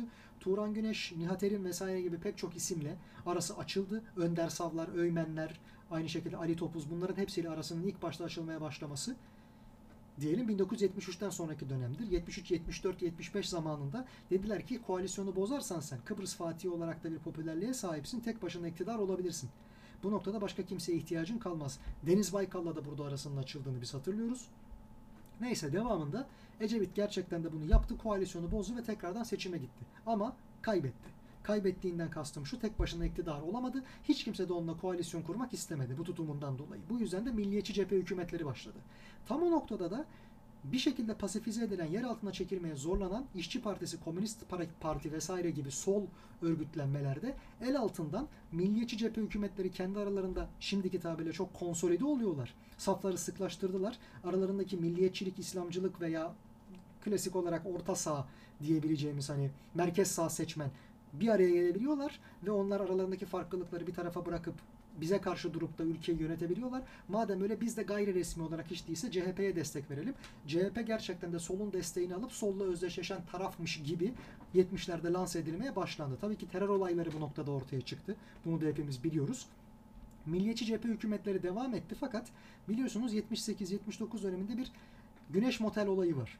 78'deki Güneş Motel olayı şu seçimlerde gen soruyla hükümeti düşürebilmek noktasında CHP'nin sadece 11 milletvekili eksiği vardı. Ve bu isimleri de bir Güneş Motel vardır İstanbul'da. Anadolu yakasında değil Avrupa yakasında. Orada toplayıp Ecevit gizlice her birine bakanlık teklif etmek suretiyle onları Adalet Partisi'nden evvela o gen soruya evet demeye yani hükümeti düşürecek olan gen soruda yeter sayıyı sağlamaları için partilerine karşı oy vermeye ikna etti ve hepsinde vadidi şuydu ben bakanlık vereceğim size bizim kuracağımız kabinede. Bunlardan 10 tanesi daha sonradan gerçekten de bakan oldu CHP'nin kurmuş olduğu hükümette. CHP de bir azınlık hükümeti kurdu temelde veya başka nasıl dışarıdan destekli olarak diyebileceğimiz başka partilerle bunu devam ettirdi. Tabi o noktada işte Demokrat Parti'nin tekrardan Demokrat Parti'de 67'de kurulmuştu bir isyan sebebiyle Ferruh Bozbeyli, Yüksel Menderes ve Aynı şekilde Saadettin Bilgiç bir itiraz hareketi olarak çıkmışlardı Adalet Partisi'ne ve Süleyman Demirel'e. İşte 40'lar 70'ler vesaire olayları hareketleri olarak bilinir. Sonrasında 70'lerin ortasının devamında diyelim en azından bir parti politikaları veya Adalet Partisi'nden farklı olmalarının, ayrı bir parti olmalarının bir numarası kalmayınca Yüksel Menderes de şaibeli bir şekilde ölünce dediler ki Ferruh Bozbeyli partinin başkanıydı. Biz bunu feshedip tekrardan Adalet Partisi'ne katılalım. Fakat o Ferruh Bozbeyli gitti CHP adına CHP'nin İş Bankası'ndaki hisselerinin yönetiminden sorumlu üye oldu. Siyaseti bıraktı falan. Böyle gelişmeler de yaşandı. 78'de Güneş Motor olayı olduktan sonra bir petrol krizi daha yaşandı. Biz gerçekten de elimizdeki bütün stoğu tüketen, yakıta muhtaç kalan, hani 5 sente muhtaç kalınan dönem, sürekli her türlü ürüne zam gelen, %400 zam, başa çıkılamayan bir döviz kuru, gene kıtlık başlaması, yağ kuyrukları, başka her türlü aklınıza gelebilecek temel ihtiyaç maddelerinin kuyrukları, ısınamamak kış aylarında bunların hepsi o dönemlerde gerçekleşti ve hükümeti deviren olaylardan da bir tanesi oldu. Fakat aslında Güneş Motel olayı olduktan sonra Adalet Partisi'nden kopup CHP hükümetine geçen o isimlerin pek çoğunun CHP'nin kurmuş olduğu hükümette yolsuzlukları da ortaya çıktı. Hatta içlerinden bir tanesini yanılmıyorsam Şerafettin Elçi'nin Kürtçülük olayıyla çok fazla anıldığı da bu yüzden de cezalandırılıp milletvekillerinin elinden alındığı da vakidir. Bir de benzer şekilde Erbakan yanılmıyorsam hükümet düşürmüştü. İsrail ile Siyonizmle çok içi dışlı bir söylem içerisinde Adalet Partisi'nin millet ve Dışişleri Bakanı o zamanki vesaire gibi böyle olaylar da oluyordu demokrasimizde o zamanlar parlamentonun içerisinde. Ve o parti düzeltiyorum o 11 kişiden 10 tanesi geldikten sonra bakanlıkları döneminde işte Tuncay Mataracı bilenler vardır. Kurtlar Vadisi'ndeki Tuncay Kantarcı'ya ilham teşkil eden Gümrük ve Tekel Bakanı'dır o zamanlar. Bu tarz isimlerin yolsuzlukları çıkınca CHP'nin önemli kademesi bu sefer döndü. Ecevit'e dedi ki sen bunları niye partiye aldın? Senin yüzünden oldu. Ecevit'e dedi ki ya Güneş Motor olayı olmadan evvel bana diyordunuz ki yap bunları transfer et git bunlarla görüş ikna et Adalet Partisi'ni veya Milliyetçi Cephe'yi hükümetten düşürelim. Hadi biz iktidara gelelim. Beni buraya siz ittiniz zaten. Sizin tavsiyenize ben bunu yaptım. Şimdi niye aynı şekilde bütün kabahat bendeymiş gibi söylüyorsunuz ki? Söyledikleri şey şuydu CHP'nin erkanının. Biz her zaman isteriz. Eğer yanlışsa sen yapmayacaksın. Yani aynı zamanda bir de sırtından hançerleme durumu. Biz sana siyaseten doğru olanı bizim istediğimizi söyleriz. Ama parti başkanı olarak sen doğruyu ölçüp tartacak kıvamda olmalısın. En doğrusu neyse uzun vadede veya kısa vadede bunu sağlamasını yapıp ona göre bir karar vermelisin. Bizim hilafımız olsa bile zaten bir defa daha bunun üzerine Bülent Ecevit'le CHP'nin arasının olmaması, uyuşmaması, barışmamaları bu olayla patlak veren bir hadisenin neticesidir. Yani CHP bu güneş motor olayında kendi tarafına geçenlerin skandalları sebebiyle ve tabii ki petrol krizinin de çok artmasından ötürü hükümet dağılınca, bitince, tabi bu arada unutmayalım 75'te Milliyetçi Cephe hükümeti döneminde İncirlik başta olmak üzere pek çok NATO üssü de kapatıldı. Bir daha kafa tuttuk. Amerika onun üzerine daha da derinleştirdi ambargoyu vesaire. Sonra biz Wells Fargo şirketine kendi mahsullerimizi, silolarda biriken bütün toprak mahsulü ürünlerimizi döviz karşılığında ipotek etmeye veya elden çıkarmaya başladık döviz rezervimiz eridiğinden dolayı. Neyse o dönemler içerisinde CHP iktidardan düştü. Ecevit'le de CHP'lilerin yolu ayrıldı. Ecevit tamamen bir tek adam olarak kalmaya başladı. Yalnızlaştırıldı. Zaten bu yüzden 80 darbesi olduktan çok kısa bir süre sonra parti başkanlığından ayrıldı. Beni CHP ile birlikte anmayın dedi. Ve devamında da 87'de yasaklar kalkınca o zamanlar CHP'nin devamıymış gibi kurulan kadrolarının pek çoğu benzer olan SHP yani Halkçı Parti, Necdet Çalp'in Halkçı Partisi ile İnönü'nün, Erdal İnönü'nün, SODEP'inin birleşmesiyle oluşan SHP ye gelmedi Bülent Ecevit. Gitti kendisi Rahşan Ecevit'le beraber DSP'yi, Demokratik Sol Parti'yi kurdu. Aynı zamanda SHP'nin içerisinde yer alıp başkanlık mücadelesi veren Deniz Baykal kazanamadı bu mücadeleyi fakat 92'de eski parti isimleriyle tekrardan parti kurulamaz yasağı kalkınca gitti CHP'yi kurdu. Oranın başkanı oldu. Aynı dönemde de bakıyoruz Deplileri yani şimdiki HDP kanadının ilk parlamentoya girdiği dönemdir. O zamanki siyasi hareketle aslında bir şekilde milletvekili çıkaracak oyu elde edemiyorlardı. Fakat SHP tuttu. Bunları kendi kadrolarından meclise soktu. O noktada SHP ikinci partisiydi o seçimin. 89'da 5 büyük belediyeyi almışlardı. Yerel seçimlerde de çok iyilerdi. Fakat hem yerel seçimde hem genel seçimde skandallarla, hizmet vermemeleriyle vesaireyle patlak verince zaten Refah Partisi'nin o yükselişi başladı. Recep Tayyip Erdoğan'ın belediye başkanlığı, Ankara'da Melih Gökçekli'nin belediye başkanlığı, devamında Refah Partisi'nin 95 seçimlerinden birinci parti çıkması vesaire bunlar hep o zamana kadar güvenilen Ecevit'in ve CHP'nin devamıymış gibi görülen SHP'nin beceriksizlikleri veya skandallarıyla, rüşvetleri, şunları bunları vesairesi işte İSKİ Başkanı Ergun Gökner'in e, bir yolsuzluğa imza atması veya rüşvetin belgesi mi olur efendim vesaire dönemleri. Bunlar olunca DYP ile SHP'nin yani bir sağ ve bir sol partinin kurmuş olduğu bir koalisyon daha vardı. Bunlar 87'de zaten yapılan seçimlerde meclise giren diğer iki partiyi temsil ediyorlardı Özal'ın ANAP'ının haricinde ve 89'da Özal'ın Cumhurbaşkanı olarak seçildiği o seçimlere katılmadılar, veto ettiler. ANAP da tek başına bunu seçecek sayıya sahipti ve Turgut Özal Cumhurbaşkanı oldu ama tarihi olarak baktığımızda onlar oy vermediler. Buraya katılmayı reddettiler. Devamında Özal ve ANAP inişe geçti. Sebepleri tartışılır.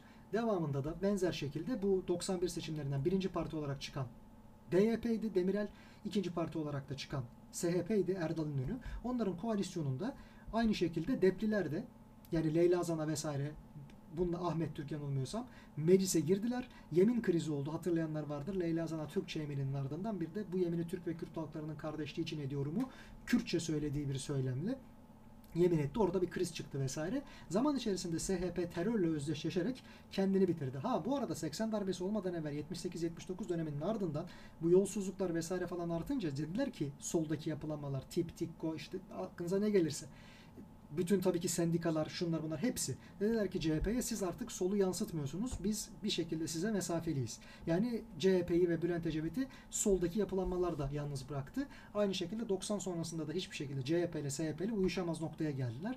Bu noktada da kendilerini ifade edebilecekleri belki yegane sol oluşumda Kürt ekolü olarak kaldı. Kürtçe ekolü çok pardon olarak kaldı.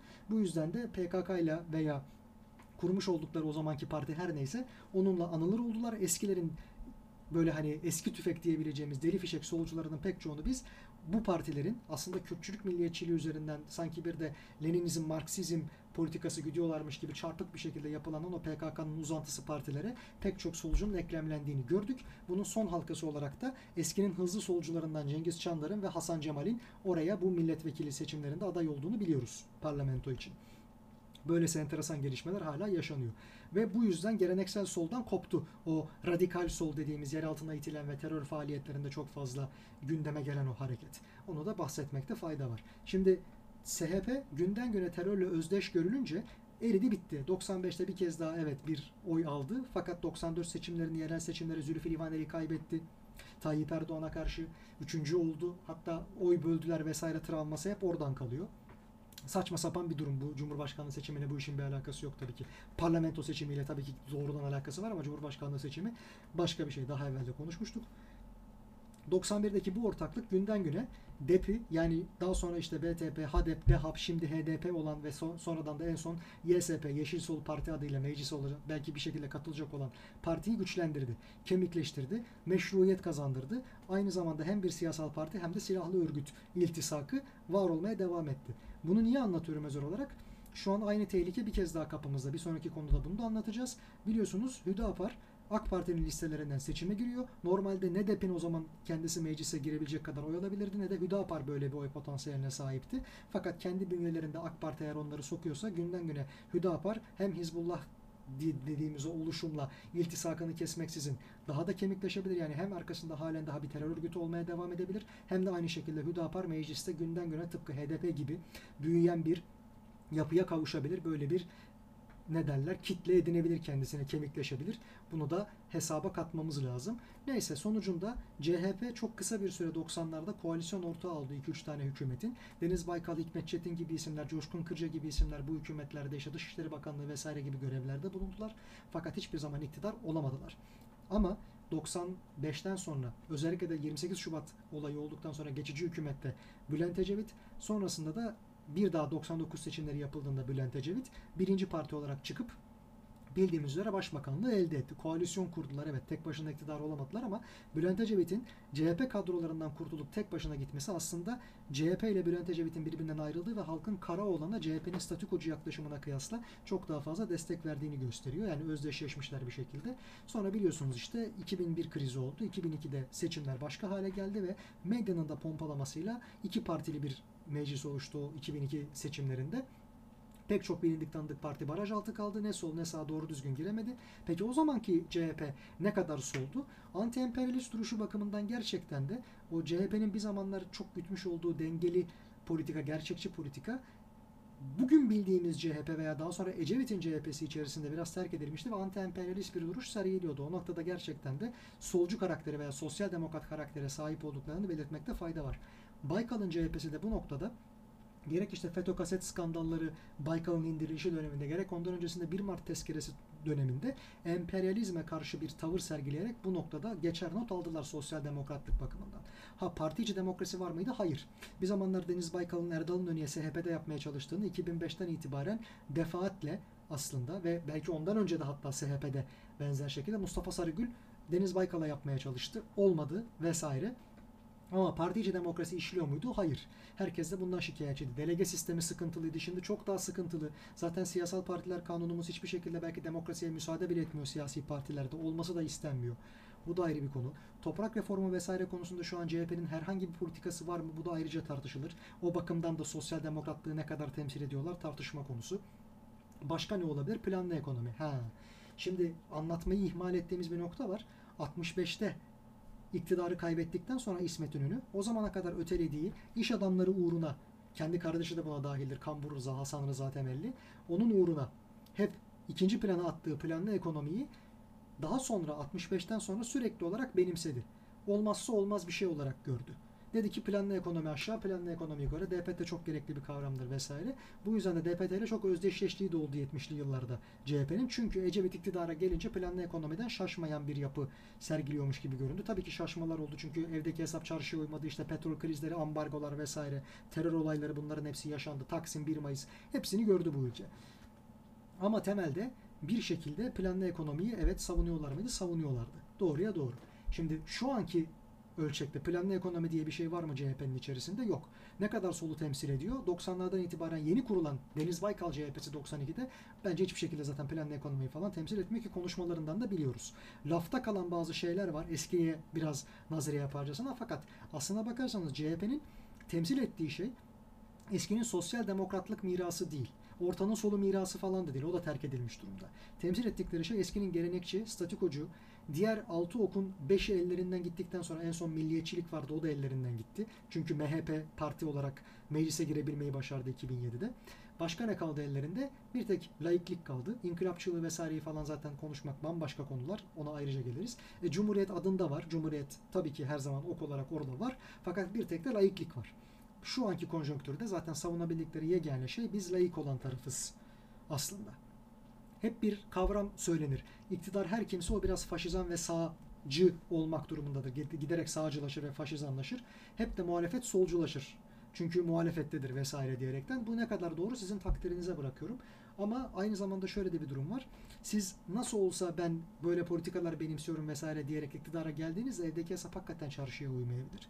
Yani siz çok sol görünümlü insanlarsınızdır fakat dünya kesinlikle size bu konuda ayak uydurmuyordur.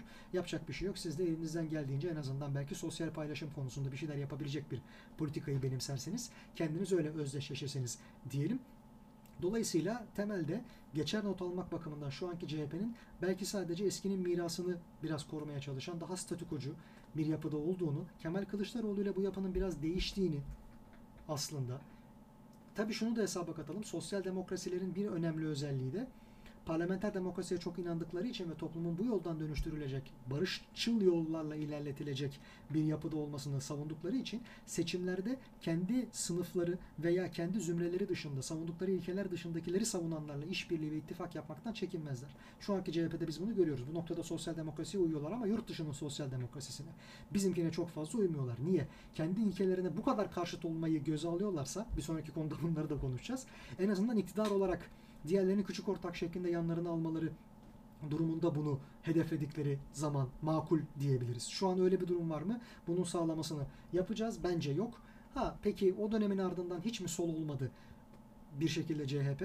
Sosyal demokrasiye inandılar mı? Belediye meclislerine doğru düzgün işlettiler mi? Tek adam sesinden çoksa daha fazla bir çoğulculuğa izin verdiler mi? Temelde hayır. Önder Sav'ın neler söylediğini vesaireyi falan biliyoruz. Anlayış bakımından, topluma saygı, inançlara, değerlere saygı bakımından kendisini kendi kendini bitiren bir hadiseye imza atmıştı. Belki o dönemde kalan tek bir solcu vardı SHP döneminden bakiye. Sayın Aydın Güven Gürkan'dı. O da bu yıl içerisinde yanılmıyorsam iki ay evvel rahmetli oldu. Allah rahmet eylesin. Samimi gerçek anlamda bir solcuydu fakat partiyi ona yedirmediler. Yani onun olamadı parti. Bir şekilde o da bastırıldı.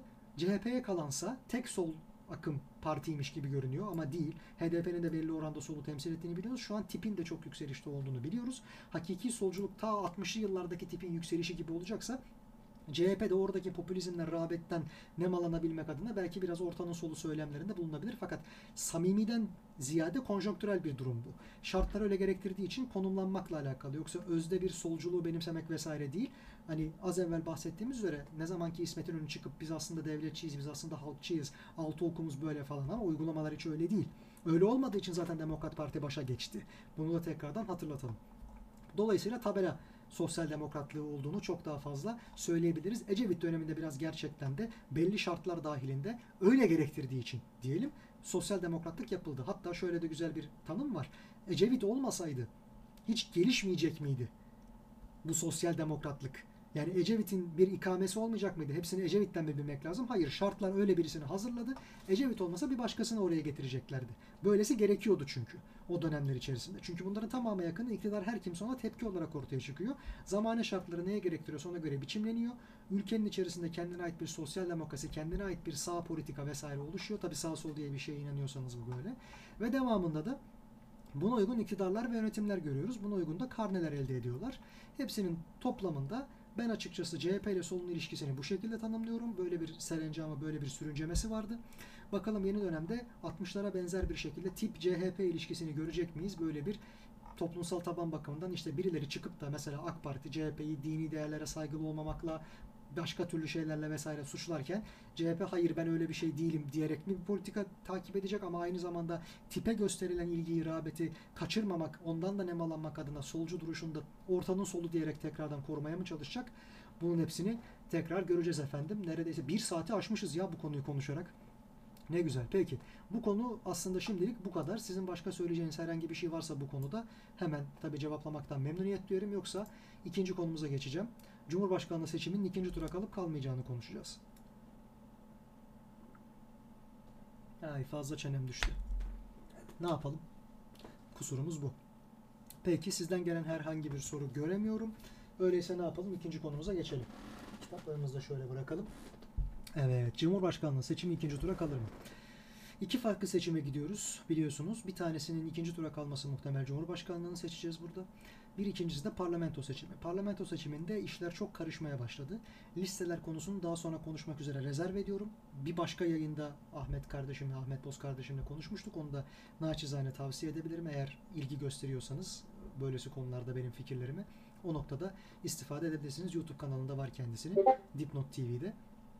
Ama onun seçimiyle alakalı biraz daha netleşmesini bekliyoruz. Çünkü listelerin 18'ine kadar değiştirilebilme ihtimali var. Üzerinde hafif oynanabiliyor. İşte bu noktada isimleri söylemeye gerek yok. Eski İçişleri Bakanı Adalet AK Parti'nin çok pardon nasıl olur da Çankaya'dan aday gösterilir? Bunu buradan alacaklar mı, çekecekler mi? Başka türlü bir şey olacak mı vesaire? Bunlar sonra konuşulacak hadiseler. 18'ine kadar vakit var. Dolayısıyla o konuda nihai konuşmayı parlamento bakımından ne konuşacağımızı 18'inden sonra yapacağım bir yayına saklıyorum. Değişebilir çünkü şu an. Cumhurbaşkanlığı seçiminde ise 4 aday kesinleşti. Kimse kimsenin lehine zaten hiçbir yerden çekilmiyor. Onu da söyleyelim. İki durum var. Şimdi birincisi bana göre Millet İttifakı ile Cumhur İttifakı birbirinin karbon kopyası haline gelmiş durumda. Partiler konusunu konuşmayacağım dedim ama bunu burada bir şekilde rezerv olarak koymaktan memnuniyet duyacağım. Hani sudaki aynadaki yansıması gibi bir şey oldu birbirlerinin. Çünkü hani evrim tamamlandı diyelim. O kadar FETÖ'cüyü, PKK'cıyı hatta Atatürkçüyü bile Cumhur İttifakı'nda bulursunuz. E zaten Millet İttifakı Cumhur'da olanları kendisine aldı, eksiklerini tamamladı. Birbirlerine çok benzer hale geldiler. Hatta ve hatta yakın zamanda Adalet ve Kalkınma Partisi Cumhurbaşkanı Erdoğan açıklama yaptı ki parti programını açıkladığı zaman görüyoruz ki aslında parti programları bakımından da çok fazla bir fark kalmadı aralarında. Yani kim başa gelirse gelsin 3 aşağı 5 yukarı aynı şeyleri yapacak. Biri diyordu ki hayır tek adam devam edecek biz parlamenter demokrasiye geçişi savunuyoruz. Ama ne hikmetse 7 tane cumhurbaşkanı yardımcısı atayarak onları parlamentoda değil yürütmede, yasamada değil yürütmede konumlandırarak parlamenter demokrasiye geçmeyi savunuyorsunuz. Nasıl bir oksimoronluksa bu. Devamında aslında bu devam et yani bu şekilde bu süremez. Tek adamlık bizi buraya getirdi. Cumhurbaşkanlığı hükümet sistemi değişecek diyen bir Millet İttifakı vardı. Cumhur İttifakı'nda da Erdoğan çıktı ve şunu söyledi. Biz de başkanlık sisteminin aksayan yönlerini törpüleyeceğiz. Bu acaba affedersiniz yiğitliğe halel getirmeden, tükürdüğünü yalamadan biz de parlamenter demokrasiye biraz biraz geri döneceğiz mi demek yoksa başkanlık sistemi devam edecek ama çok sakıncalı gördüğümüz birkaç tane yerde ufak tefek oynamalar yapacağız mı demek. Bunu ilerleyen günlerde miting meydanlarına daha fazla adaylar çıktıkça göreceğiz. diye düşünüyorum. Fakat her ikisi gitgide birbirine yaklaşıyor. Hatta ben diğer ittifakları da çok yakından takip ediyorum veya diğer adayları. Onların da söylemleri 3 aşağı 5 yukarı aynı. Gerçekten aralarında %5'lik bir fark var. Bu da şunu aslında bize gösteriyor. Başa her kim gelirse gelsin yapılacak şeyler çok belli, sabit.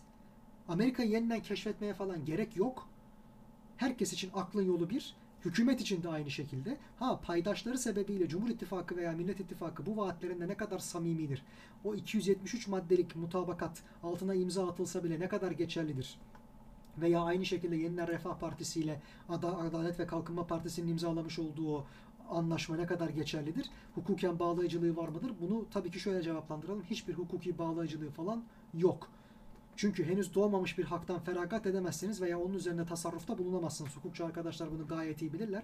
Siz ileriye dönük bir vaatte bulunuyorsunuz. Bunu şöyle açıklayalım. Mesela herhangi bir davada karar açıklanmadan siz temiz hakkınızdan veya istinaf hakkınızdan feragat edemezsiniz. Hatta avukatınıza bile bundan feragat etmesi için zamanı geldiğinde bunu yapabilmesi için özel yetki vermeniz gerekiyor. Genel yetkili vekaletnamede böyle bir şey söz konusu değildir. Bu niye önemli? Henüz bir karar verilmedikçe sizin temiz diye bir hakkınız da olmayacak. Hukuk bunu böyle kabul ediyor.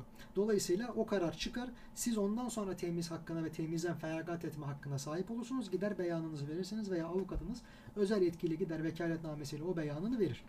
Devamında benzer bir şey olduğundan dolayı söylüyorum. Bunun hukuki bir bağlayıcılığı yok. Çünkü ellerinde henüz böyle bir güç yok Millet İttifakı'nın. Yani iktidarın şu an sahibi değiller ki vaatlerde bulunsunlar veya anlaşmaları geçerli olsun. Ehliyetleri yok şu an bunu yapmak için. Geleceğine dair bir iyi niyet anlaşması şu an bu. İktidara her kim gelirse veya Cumhurbaşkanı her kim olursa ben bu oyunu bozdum kardeşim. Hayır bunların hiçbirisini yapmayacağım. Şöyle devam edeceğim diyebilir. Hukuken de bunun bir cezai yaptırımı yok. Çünkü kendisi henüz şu an bir devlet görevinde falan değil bu vaatlerde bulunurken. Ben şu an çıksam desem ki ya kardeşim ben Amerika'yı sana vereceğim. Sürün Osman derseniz bana. Ponzi derseniz. Yani sen Amerika'nın sahibi değilsin ki Amerika'yı birine verebilirsin. Bunun gibi düşünelim. Aynı şekilde bu bağlayıcılıklarda olmadığı için 3 aşağı 5 yukarı kendilerinin de diğer ittifaklarında yapacakları programları, ekonomide, sosyal politikalar bakımından hepsininki belli. Çok fazla oynayamazlar. Çok ufak ayarlar yapılabilir. Sadece hangi kadrolar bunu samimiyetle veya etkinlikle, verimlilikle başarabilir? Bence şu an onu seçeceğiz. Ha sıkıntı şu. Her iki ittifakta da birbirinin aynası gibi oldu demiştik. Yani bileşenlere bir bakıyorum. Tarikatlar, cemaatler her tarafta var. Her ikisinde de var. Sanmayın ki Millet İttifakı'nda yok. Onda da var. Henüz siz görmüyorsunuz veya ilişkide oldukları insanlara henüz harekete geçemedikleri için ayyuka çıkmadı. CIA'cı var mı? Var. Alman istihbaratına çalışan var mı? Var. Ya PKK'cı var, IŞİD'ci var, PYD'ci var, Hizbullahçı var, İran Şiası var, DHKPC'ci var, MLKP'ci var, FETÖ'cü var. Her yerde, her tarafta. Biraz daha zorlarsak İbdaciyeciler falan bile, El-Kaide bile çıkabilir hatta içlerinden. E bunun yanı sıra bu bir tarafta her kim seçilirse seçilsin mutlaka ki oraya gelecek. Diğer yandaysa Atatürkçü Düşünce Derneği, Çağdaş Yaşama Destekleme Derneği gibi yapılanmalardan hiç kimse muhtemelen olmayacak. Bu ne periz bu ne lahana turşusu. Şimdi CHP burada bir takım vaatlerde bulunuyor da CHP'nin farkında olmadığı bir şey var. Bir, siz diyorsunuz ki ya kardeşim evet böyle isimler burada var. Biz bunlara itiraz edemiyoruz, veto edemiyoruz ki o bence bir yalan. Çünkü Hakan Tartan eski bir CHP'lidir. Gelecek Partisi'ne geçmişti. İzmir'de Gelecek Partisi'nden ama CHP'nin listelerinden aday gösterilmesi için sunuldu ve CHP veto etti. Onu veto eden niye Deva Partisi'nin Sadullah Ergen'ini veto etmiyor? Niye İyi Parti İdris Naim Şahin'i bir şekilde veto etmiyor vesaire vesaire gibi hadiseler bunlar konuşulabilir. Yani bunlarda ne kadar samimi olunduğu tabii ki halkın takdiri. Ama samimiyet açısından konuşacak olursak şimdi diyorlar ki biz önce Erdoğan'dan kurtulalım da ondan sonra kendi aramızda gerekirse hesaplaşırız. Hani şimdi hesaplaşmaları erteleyelim. Ya iyi hoş siz bunu böyle söylüyorsunuz da sizin ittifak yaptığınız diğer bileşenler hani o ilk fırsatta hesaplaşacağınız ve kurtulacağınız bileşenler sağır mı, kör mü, geri zekalı mı? Sizi duymuyorlar mı? Bundan haberdar değiller mi? Onlar da sizi ilk fırsatta tasfiye etmek için kendileri yapılanmadılar mı? Fırsat kollamıyorlar mı? Bunun için bilenmediler mi? İyi Parti'nin ve Deva Partisi'nin yetkilileri orta düzey mi, üst düzey yetkililerinden birileri mi? Twitter odasında inşallah CHP zihniyetinden ilk fırsatta kurtulacağız. Amin amin inşallah diye konuşmadılar mı? Bunların kaydı çıkmadı mı? Ya siz bir zamanlar Yüce Divan'a göndereceğiniz bu memleketin kaderine şerh düşmüş, her konuda ne kadar kötüye gittiyse bunda pay sahibi olmuş insanları ittifak ortağı olarak yanınıza almakla kalmayıp iki tarafında birbirine karşı samimi davranacağına dair çok enteresan bir rüya görüyorsunuz. Ve Memleket Partisi vesaire hep bir tarafa refüze edilirken bu insanlarla bir ittifak kuruyorsunuz. Bunların herhangi bir oyu yok aslında. Fakat olur AK Parti'den belki bunlar oy çekebilirler vesaire. AK Parti'den biz bıktık ha şu da olur CHP de eski CHP değil vesaire diyerekten oy devşirmeye çalışacaksınız. Peki hiç giremezlerken tıpkı işte yani terör örgütleriyle tabii bir tutmak istemiyorum. Hüdapar'la bir zamanların DEP'i ile falan şu an Gelecek Partisi, Deva Partisi, Demokrat Parti vesaire İyi Parti bunlar bir değil tabii ki. Bu başka bir konu veya Saadet Partisi. Ama temelde daha ufak paydaşlar için siz fedakarlıkta hatta tavizde bulunuyorsunuz. Onlar hiç hak etmedikleri kadar fazla insanı oraya sokuyorlar ve siz onlarla beraber yol yürüyeceğiz diyorsunuz. Ya bunların hepsi sizin bir zamanlar ölümüne düşman olduğunuzu söylediğiniz, her bakımdan zihniyet olarak da karşıt durduğunuzu söylediğiniz fakat ne hikmetse partilerinden tasfiye edilince veya ayrılınca kıymete binen Aa ne kadar kutsal insanlarmış, ne kadar güzel, mümtaz insanlarmış diye bağrınıza bastığınız ve yol yürümeye karar verdiğiniz insanlar. Onların o zaman ne söylediği belli, sizin ne yapmak istediğiniz belli. Onların ne samimiyeti var ki veya onlar partilerine kıyasla neyi farklı yaptı ki gerçekte? Siz onlara güvenip de yol yürüyebileceğinizi düşünüyorsunuz. Listeler açıklandı. Herkes şok oldu. Aa bu nasıl olur? Ne bekliyordunuz ki en baştan beri böyle olacağı belliydi zaten. Kimlerin buraya sokulmaya çalışılacağı. Kimlerin sokulmayacağı. Ha bir ümit. Belki son dakikada kafaları, fikirleri değişir. Bir ümit gerçekten böyle yapmazlar. insafa gelirler diyorduk ama yok öyle bir ümit maalesef. Gördük bunu tekrardan. Ya insaf ya. Yani bir durum daha var. Bu da çok güzel Erdem abi, Erdem Atay, Veryansın TV'deki yayınlarda belirtti. En son bizim TV'de Şaban Sevinç'le yapmış olduğu dünkü konuşmada da bahsetti. Abi farkında mısınız bilmiyorum. CHP dışında geri kalan bütün paydaşlar yani Millet İttifakı'nda da Cumhur İttifakı'nda da Cumhur İttifakı paydaşlarının mozaiğinin aynısı. Hani Hüdapar'ı belki bir tarafa bırakabiliriz. Onun karşılığında da bu tarafta hani Emek ve Özgürlük İttifakı olarak aslında seçime giriyorlar ama hani temelde tipi bir yana bırakırsak HDP de ayrılıkçı bir hareket olarak benimsetmiş olan bir kendini bir terör örgütünün buradaki siyasi iz düşümü olmakla sürekli nitelendirilen bir parti. Bakıyoruz aralarında hiçbir fark yok ama sıkıntı şurada. Siyasal İslamcı zihniyet veya milliyetçiliğin aslında merkez sağdan çıkıp daha radikal tarafa hatta maalesef siyasal İslam tarafına da müsamahakar bakan haline evrilmiş olan tarafı her iki, her iki ittifakta da mevcut. E şimdi çoğunluğa teşkil edecek olanlara bakar mısınız? Bir yanda AK Parti, Yeniden Refah Partisi, Büyük Birlik Partisi, Milliyetçi Hareket Partisi ve Hüdapar var. Diğer tarafta bildiğimiz altılı masa var. Emek ve Özgürlük İttifakı sadece Cumhurbaşkanı adayı çıkarmıyor. Yanlış anlaşılmasın onlar parlamentoya ortak listeyle falan girmiyorlar veya Millet İttifakı ile bir şekilde işbirliği yapmıyorlar o noktada. Ha şöyle bir şey var. Bazı bölgelerden tip aday çıkarmadı. Yeter ki orada Millet İttifakı'nın adayları seçilebilsin diye. Bu da enteresan bir yaklaşım. Şöyle tuhaf tutumlar. Ya bir bakıyoruz meclise diyelim ki herkes girdi. Ya hem Millet İttifakı hem Cumhur İttifakı girdi. Cumhurbaşkanlığı seçimine geleceğim oraya. Onu anlatmak için söylüyorum. Cumhurbaşkanı her kim olursa olsun parlamentonun çoğunluğunun siyasal İslamcı veya ağır radikal milliyetçi tayfa tarafından teşkil edeceğinin farkında mısınız? CHP orada sanki tek başına kalmış kahraman veya işte tip orada başka bir kanalı temsil ediyormuş gibi görünüyor da abi CHP'nin içerisinde diğer partilerde hiç olmadık kadar hatta belki AK Parti ile özdeş seviyede hem FETÖ'cü hem geçmişi AK Parti ile dolu olan hem siyasal İslamcı zihniyete sahip Aynı zamanda PKK'yı falan da savunan insan var. CHP'de bilindiği gibi CHP değil ki tabelası aynı sadece. içeriği bambaşka. Her gördüğünüz tabelaya inanmamak lazım. Peki hadi CHP'yi velev ki böyle değil. Bir hala milli refleksi var kabul edelim. Bu şekilde partiler girdiler. Devamında CHP ve İyi Parti listelerinden giren diğer bileşenlerin üyeleri, milletvekilleri istifa edip kendi partilerine geçtiler. Hatta kendi gruplarını kurdular. Millet İttifakı'nın içerisinde bir ikinci muhafazakar grup var. Millet grubu olmayı tasarlıyor. Saadet Partisi, Demok çok affedersiniz Deva Partisi ve Gelecek Partisi. Şimdi çok güzel. Bunların herhangi bir oylamada ile AK Parti de meclise girdi. Koalisyon kurulmak durumunda kaldı. AK Parti var, MHP var. Az da olsa. Ondan sonra Gelecek Partisi var, Deva Partisi var. Yeniden Refah, Büyük Birlik vesaire derken CHP'nin haricinde geri kalan herkes siyasal İslam'a veya bir şekilde radikal sağcılığa dediğimiz milliyetçiliğe çok yakın. Üstelik bunlar şikayet edilen türden milliyetçiler. Şu an belki şikayet edilmeyen, özlenen milliyetçiliği bir tek Zafer Partisi temsil ediyor. Geri kalanlarına baktığımız zaman diğer paydaşlar oradalar. Peki bunların tıpkı şu anki Cumhur İttifakı'nda MHP'nin AK Parti'ye destek vermesi veya beraber yol yürümesi gibi herhangi bir konuda, herhangi bir noktada hep birlikte karar alıp CHP'yi dışlamayacakları ne malum? CHP'yi muhalefete, ana muhalefete veya azınlığa düşürmeyecekleri. Ne malum? Var mı böyle bir imkan? Var. Nasıl bir imkan? Bu saydığımızın hepsinin toplamı yani CHP dışında geri kalan partilerin hepsinin meclise girmesi halinde bunların toplam sayısı anayasayı değiştirecek oyu almaya yetiyor. 360'ı bulmaya yetiyor. Bu korkunç bir durum aslında. Çünkü hangi zihniyetin oraya girdiğine bakarsak sadece partilerinin tabelası değişik. Yarın bir gün onlar da samimiyetinden şaşıp rant uğruna, menfaat uğruna, başka şeyler uğruna hep birlikte yol yürümeyi ve CHP'yi dışlamayı düşünürlerse buna kim engel olabilecek? Toplamda belki siyasal İslam AK Parti ile güç kaybediyordu. Diğer partilerinde oy alma imkanı yoktu. CHP resmen siyasal İslam'dan birileri daha olsun diye eskimiş insanları, artıklarını diyelim o sistemin tekrardan meclise sokmanın derdinde. FETÖ'cüler de buna dahil. AK Parti belki eriyip bitecekti. Siyasal İslam mecliste azalacaktı. CHP kendi eliyle Millet İttifakı'na aldıklarıyla siyasal İslam'ı tekrar meclise taşıyor. Belki aynı sayıda siyasal İslamcı olacak orada. İyi Parti'nin içerisinde neler döndüğünü de biliyoruz. Milletvekili seçimleri vesaire, aday adaylıklarının açıklanması, bunların para karşılığı satılması, pazarlanması, devasa rüşvetlerin dönmesi vesaire.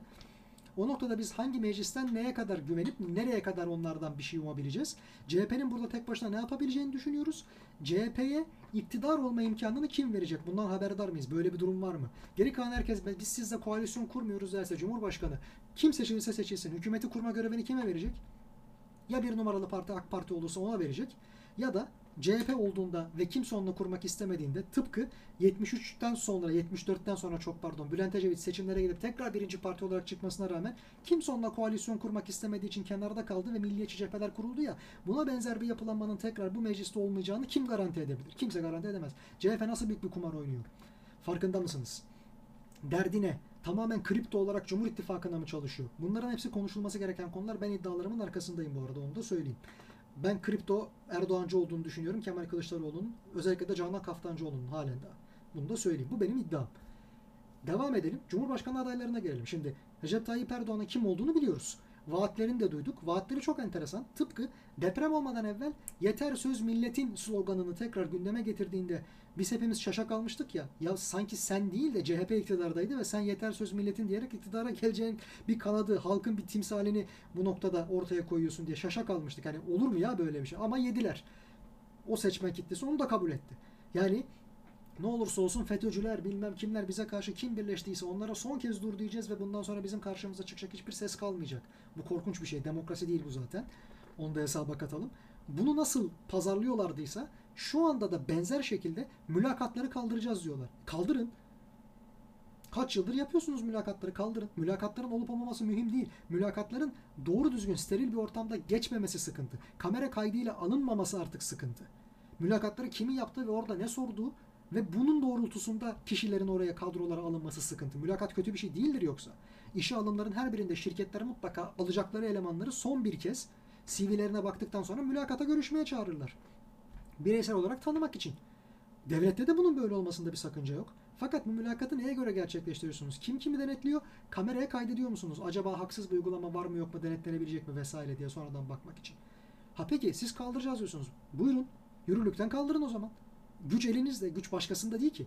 Güç sizin elinizde. Tek bir kararnameyle mülakatları kaldırabilirsiniz kamuda işe alımlarda. Bunu vaat olarak soruyorlar. 2023 için zamanında sunmuş oldukları, 2018'e sunmuş oldukları hedeflerin yarısına kadar bile gelemediler. Şimdi 2028 için o hedefleri 2023'e koydukları hedefleri bile değil. Onları kırpa kırpa daha da azaltarak koymuşlar. Yani atıyorum ki 2 trilyon ihracat yerine ve 2 trilyon milli gelir yerine 1,5 trilyon milli geliri hedeflemişler. 2023'te 2 trilyon hedefleniyordu. 2028'de 1,5 trilyon hedefleniyor mesela. Hedef küçültmüşler. Ve bunu sanki bir gelişmeymiş gibi de söylüyorlar. Niye? Evet beklentileri karşılayamadıktan sonra şu an 1,5 trilyona çıkılması da bir gelişme. Çünkü şu an atıyorum ki 750 milyar dolarda. 2 trilyon olamıyor belki ama 1,5 trilyon olması da güzel. Tabii ki güzel o başka bir konu ama vaatte bulunan siziniz bütün imkanlar da elinizdeydi. İşte geminin biliyorsunuz TCG Anadolu'ydu galiba ismi. Açılışı teslimi yapıldı. Çok önemli bir katkı tabii ki donanmamıza.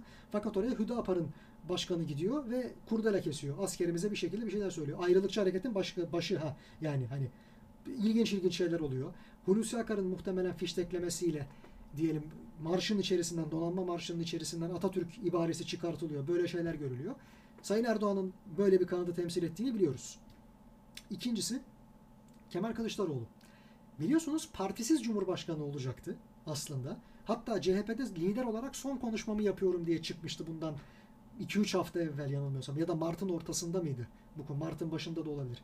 Cumhurbaşkanı adaylığı olarak altılı masa onu gösterdikten sonra, kesinleştikten sonra çıktı CHP'de ve dedi ki bu sizinle CHP lideri başkan olarak son konuşmam. Fakat ne oldu?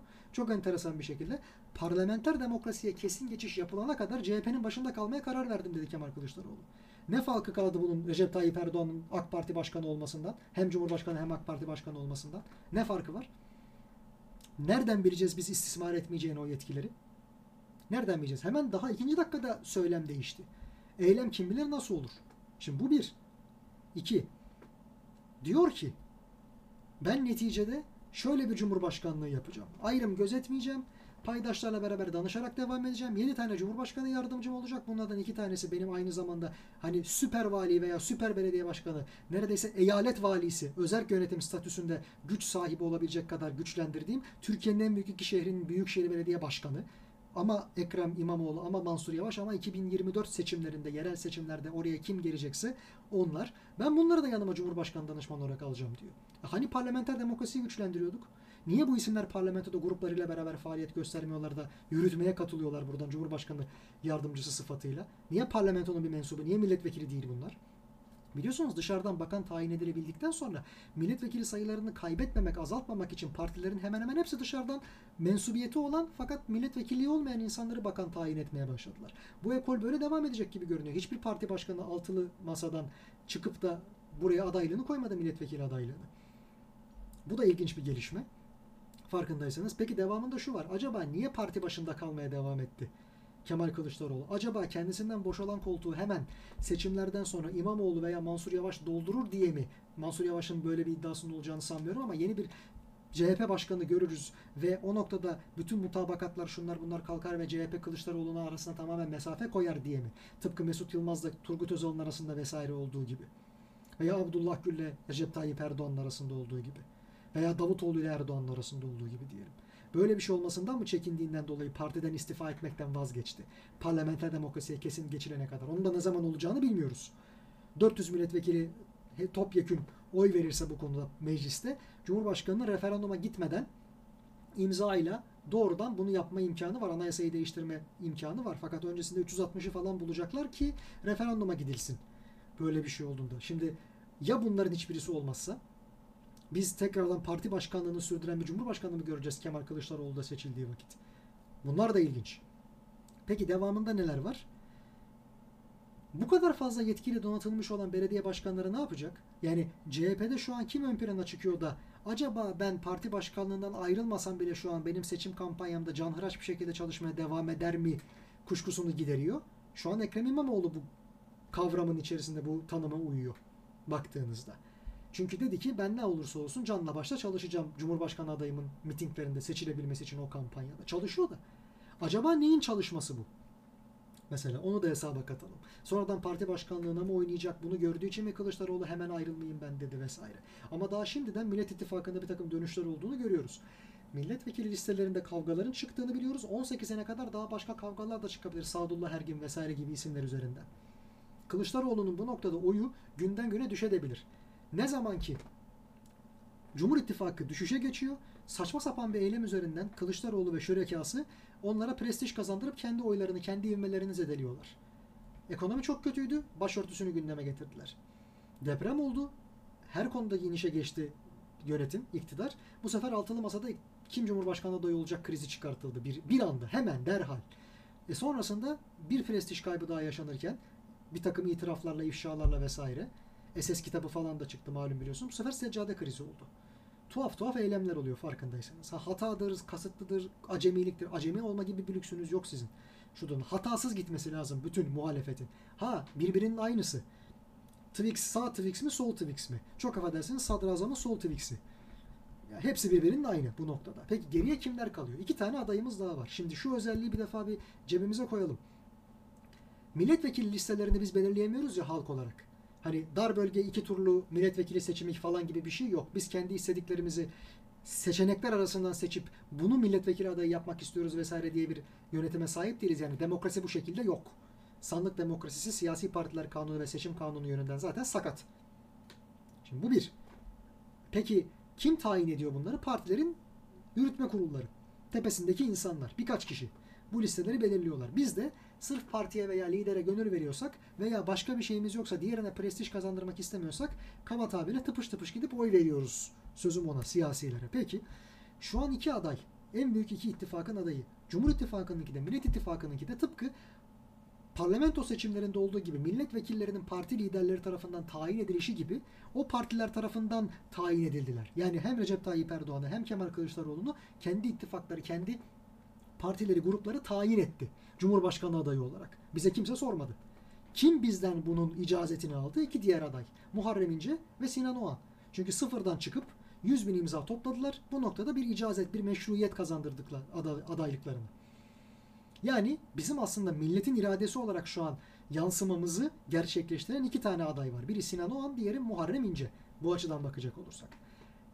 Farkındaysak Muharrem İnce miting insanıdır. Mitinglere başlıyor. Çok enteresan karalama kampanyalarıyla da baş etmek durumunda kalıyor. Onu da biz görüyoruz. Hani gerçekten çok enteresan. Millet İttifakı, Cumhur İttifakı ile bu kadar uğraşmıyordur. Onu da söyleyelim. Ama şuradan medeni cesaretini takdir ediyorum ben Muharrem İnce'nin. Bu kadar fazla olumsuz intiba varken ve düşmanları diyebileceğimiz artık insanlar ona çok diş bilemişken tekrardan Babala TV'ye çıktı. Bakalım şimdi pazartesi günü tam programı izleyeceğiz. Çünkü fragman sanki biraz şartlı bir anlatı üzerinden ayarlanmış, bir kurgulanmış gibiydi. O programın farklı şekilde geçtiğine dair asparagas haberler uyduranların anlatısını destekler nitelikte magazinsel bir manşet cımbızlanması yapılmış. Göreceğiz bakalım tam öyle mi değil mi? Çünkü mesela alenen FETÖ'cülükle suçladığı bir insan, insanlar bakıyor ki ya bu çok büyük bir iddia. Olur mu ya bir vatandaşı sen durduk yere FETÖ'cülükle suçlar mısın? Hakikaten de FETÖ'cü çıktı. Yani daha doğrusu FETÖ'cülerin avukatı çıktı. Buradan ceza almış birisi çıktı. İfademizi düzeltelim. Belki gerçekten de FETÖ'cü falan değildir. Fakat geçmişi var onlarla. Avukatlığını yapmış, bundan dolayı ceza almış. Ceza sonra ne olmuş vesaire bilmiyoruz. Önemli bir tespit. Aslında bakarsanız çok büyük bir kumar. Yani şu an Muharrem İnce iki çok büyük savaş veriyor. Bir tanesi Millet İttifakı ile savaş, diğeri Cumhur İttifakı ile savaş. Her ikisiyle birden canhıraş bir şekilde savaş veriyor. Bunun intikam yanı da var tabii ki ne olursa olsun. İnsanlara gerçekleri göstermek için kendisine yapılanlar üzerinden ittifakları ifşa etme durumu var. Ama aynı zamanda bana kalırsa bir işlevi daha var. Temelde bir turnasol kağıdı kendisi. Aynı zamanda da bir dedektör ve bir mıknatıs. Ne demek istiyorum? Şu son bir aylık süreç içerisinde artık tam bir ay kaldı seçimlere.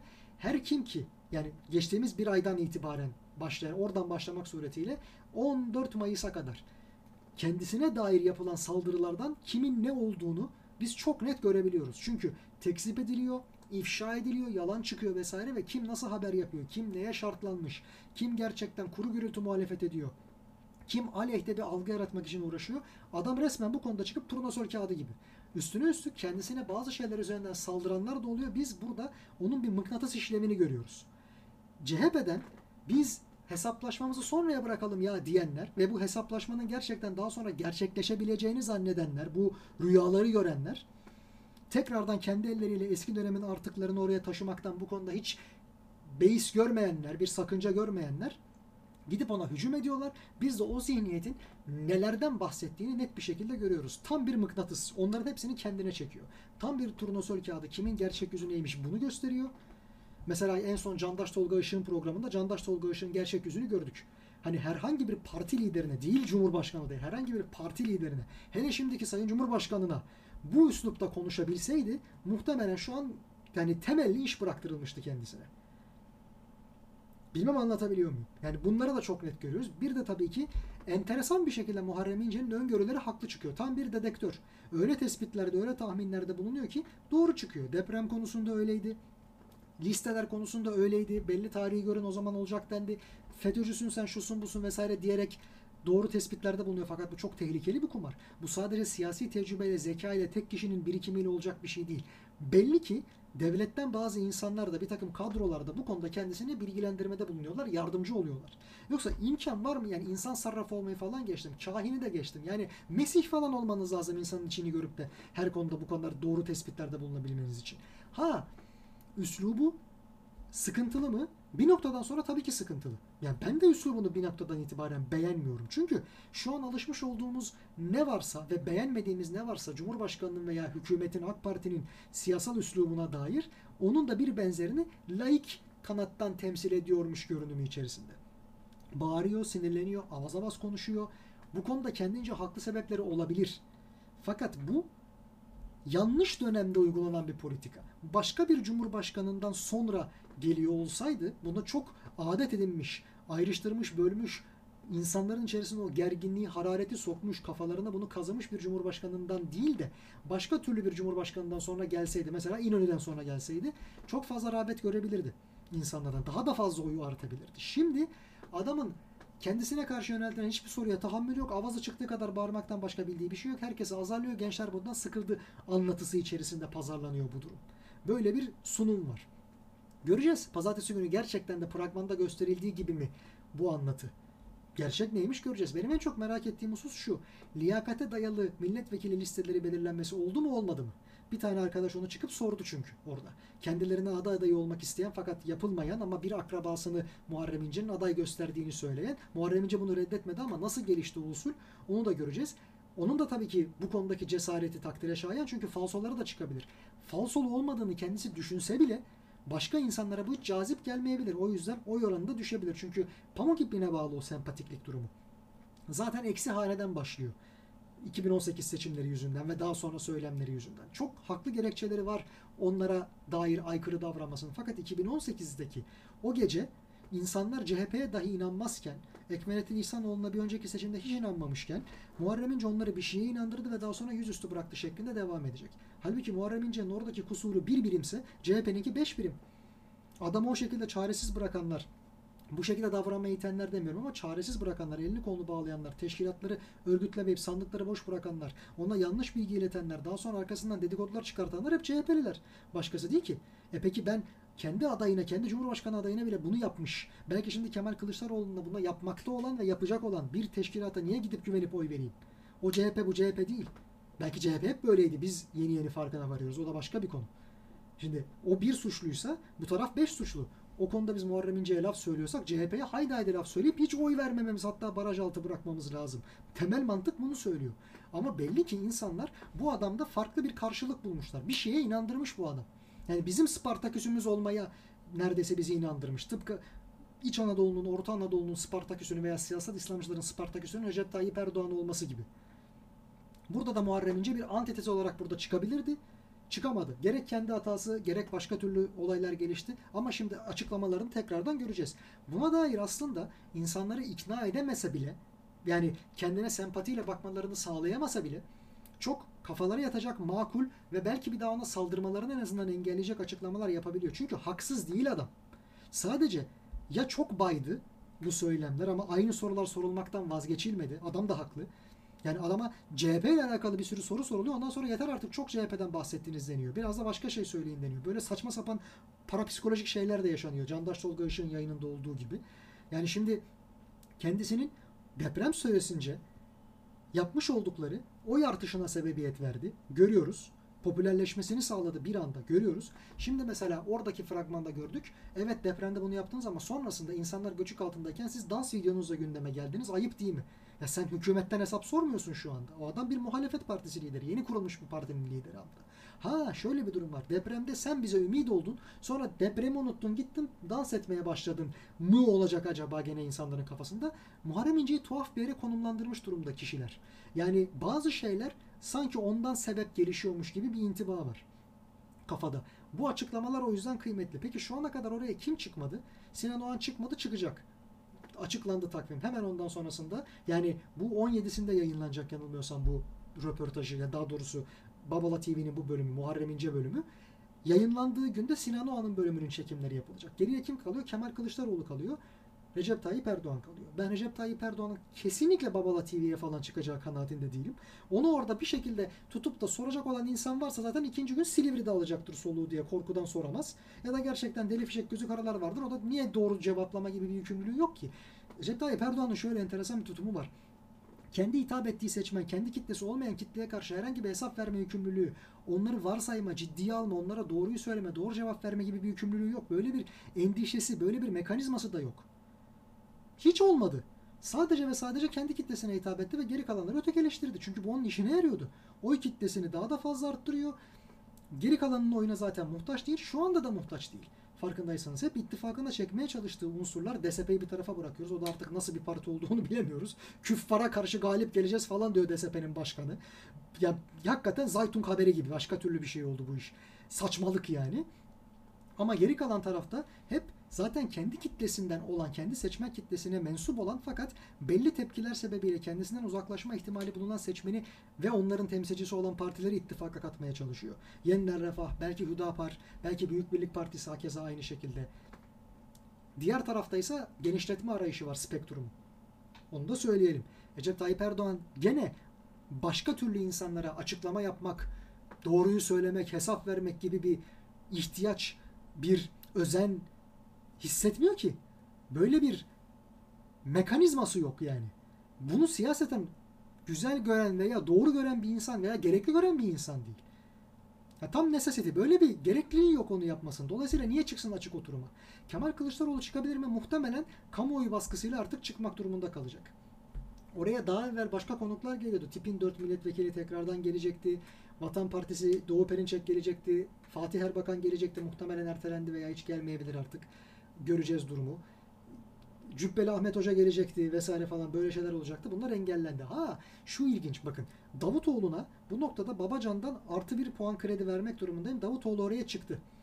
Rezil olduğu da oldu, kendini aklamaya çalıştığı da oldu, kendince güzel geçti, kokoreç ısmarladı, şu oldu bu oldu ama oraya çıktı. Ali Babacan hala oraya çıkamadı veya herhangi bir Deva Partisi yetkilisi gelmedi. Cumhuriyet Halk Partisi'nden de Abdülhatif Şener gibi bir koz geldi oraya bir ağır toplardan biri diyebileceğimiz. Fakat şöyle bir sıkıntı var. Evet şu anki Millet İttifakı'nı birebir yansıtıyor Abdülhatif Şener geldiği zümre bakımından, nasıl kökenleri bakımından. Ama bir insanların karşısında görmek istedikleri CHP'li o mu? İki, Abdülhatif Şener şu anki seçimlerde milletvekili listesinde yok. Eğer yani muhtemelen eğer Millet İttifakı başa geçerse Kemal Kılıçdaroğlu'nu bakan olarak tayin edecek bir yere. Böyle görünüyor açıkçası. Şu an o yüzden de Cumhuriyet Halk Partisi'nden birisinin mümkünse Kemal Kılıçdaroğlu'nun o da olmazsa ah benim gönlümden geçen Canan Kaftancıoğlu'nun oraya katılmasını ben çok istiyorum. Yani kamuoyu baskısı bu noktada bir şekilde kendi taleplerini diretebilmeli, dayatabilmeli. Bu konuda bir kamuoyu oluşturulmasında çok büyük fayda var. Ha diğer halkın seçtiği adaya gelecek olursak Sinan Oğan. Belki de bu isimlerin içerisinde en donanımlı, Cumhurbaşkanı olmaya profil bakımından en yakışan, kendini yetiştirme noktasında veya işte strateji merkezinden gelmesi noktasında devlet yönetmeye, devleti her kademesiyle birden yönetmeye en uygunmuş gibi görünen isim o. Bir sıkıntı var. Henüz bir popülerliği yoktu. Evet televizyon programlarında çok çıkıyordu doğru. Ama yorumcu olarak çıkmak başka, bir Cumhurbaşkanı ittifak, bir ittifakın Cumhurbaşkanı adayı olarak orada olmak başka. Şimdi görüyoruz ki tutarlı açıklamaları, biraz daha aklı selim tutumu ve bir şekilde insanları irite etmeyen en azından ton tercih etmesi sebebiyle oyları yükselişte. Muharrem İnce'nin de oyları yükselişte. Fakat İnce'nin oyları İMKB gibi. inip çıkmaya çok müsait. Yani arkasına o dalgayı aldığı zaman son gün böyle bir kahramanlık hikayesi çıksa şu an belki oyunu bir buçuk misli arttırabilir. Son gün bile olsa seçimden evvel. Sinan Oğan'da öyle bir durum yok. Üç aşağı beş yukarı kitlesi kemikleşmiş belli. Ve daha belki emin adımlarla geliyor. Onu da söyleyelim. Yani Muharrem İnce'ninki gibi bir anda merdivenin altından çekilmesi, ayağının kayması ve tepe taklak yere düşme tehlikesi yok. Kemal Kılıçdaroğlu'nda bile böyle bir tehlike var. Muharrem İnce'de çok daha fazla var çünkü buna göre bir seçim kampanyası ilerletiyor. Mitingçi bir insan o. Sinan Oğan'da böyle bir tehlike daha az. Çok çok daha az.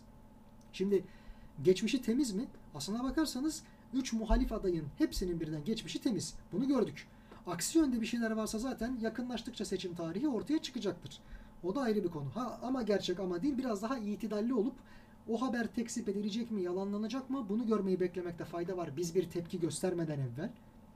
Çünkü haberi ilk ileten en doğru şeyi iletmiyor. Biz de ilk cevabı vererek çok fazla gayya kuyusuna düşebiliriz, kandırılabiliriz onu da söyleyeyim. Pişman olacağımız şeyler söylemek durumunda kalabiliriz. Bu yüzden de sabırlı, aklı selim içerisinde her şey teyit edilip de ortaya netleştikten sonra yorum yapmakta fayda var diye düşünüyorum. Peki bu adayların her birisi kendi kendini var etmiş, geliştirmiş insanlar mı? Evet hiçbirisi kent soylu bir aileden, asilzadeden, zengin zümreden gelmiyor. Her biri okumuş, kendini yetiştirmiş. Kimisi devlette görev almış, kimisi partide görev almış, öğretmenlik yapmış, dershanecilik yapmış. Kimisi aynı şekilde kendini yetiştirip 2-3 dil birden öğrenmiş, dış işlerinde bulunmuş, yani Dışişleri Bakanlığı'nda vesaire falan değil.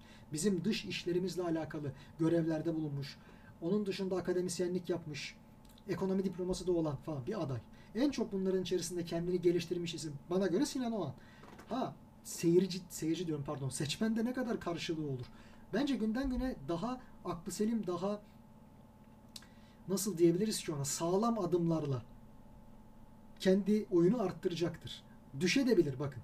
Mesela Halk TV'ye çıktı. Bu noktada kendisi için ciddi bir sınavdı. Çünkü Sinan Oğan'ın diğer adaylar kadar iyi bir hatip olmadığını görüyoruz. Hitabette halen daha biraz sıkıntı yaşayabiliyor. Açılacaktır o muhtemelen zaman içerisinde. İlk geldiğinde Kemal Kılıçdaroğlu da iyi değildi. Bunu biliyoruz. E, Muharrem İnce, Recep Tayyip Erdoğan kumaş olarak doğuştan bu konuda şanslılar ve yetenekliler. Onu da söyleyelim.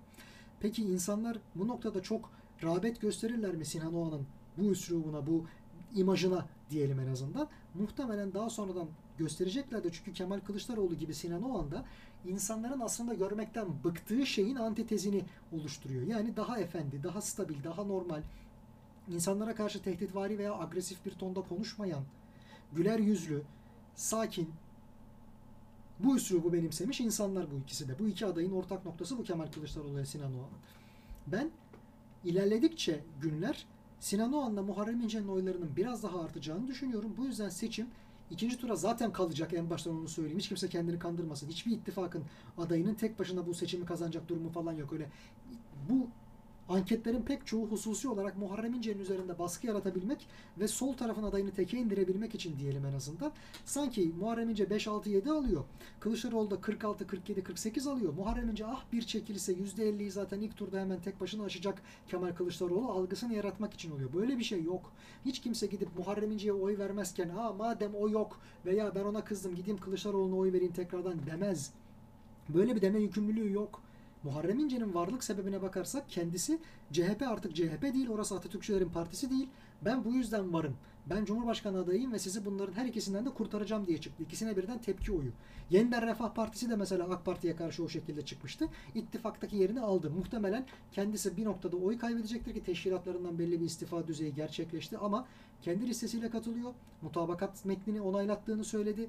Muhtemelen ondan sonra bazı nasıl söyleyelim hani seçmen listesinden gelen isimler sebebiyle meclise soru önergeleri vermeleri ve vaatlerini gerçekleştirmeleri mümkün olabilir gibi görünüyor ve önleri açık. Liderleri genç, hareket olarak gençler. Şimdi Memleket Partisi de eğer CHP ile böyle bir ittifak kursaydı bu tarafın kinciliği daha beter. Daha az oportunist burası. Öyle söyleyeyim. Yani hiçbir şekilde Muharrem İnce kendini beğendiremezdi adaylıktan çekilse de ben sizinle varım veya sizinle ortak listeden seçime giriyorum dese de ne Ümit Özdağ beğendirebilirdi ne diğer tarafta CHP veya altılı masaya beğendirebilirdi. O yüzden onun sonuna kadar tek başına gitmesinde fayda var. Aynı şekilde Sinan Doğan'ın ve Zafer Partisi'nin gitmesinde de fayda var.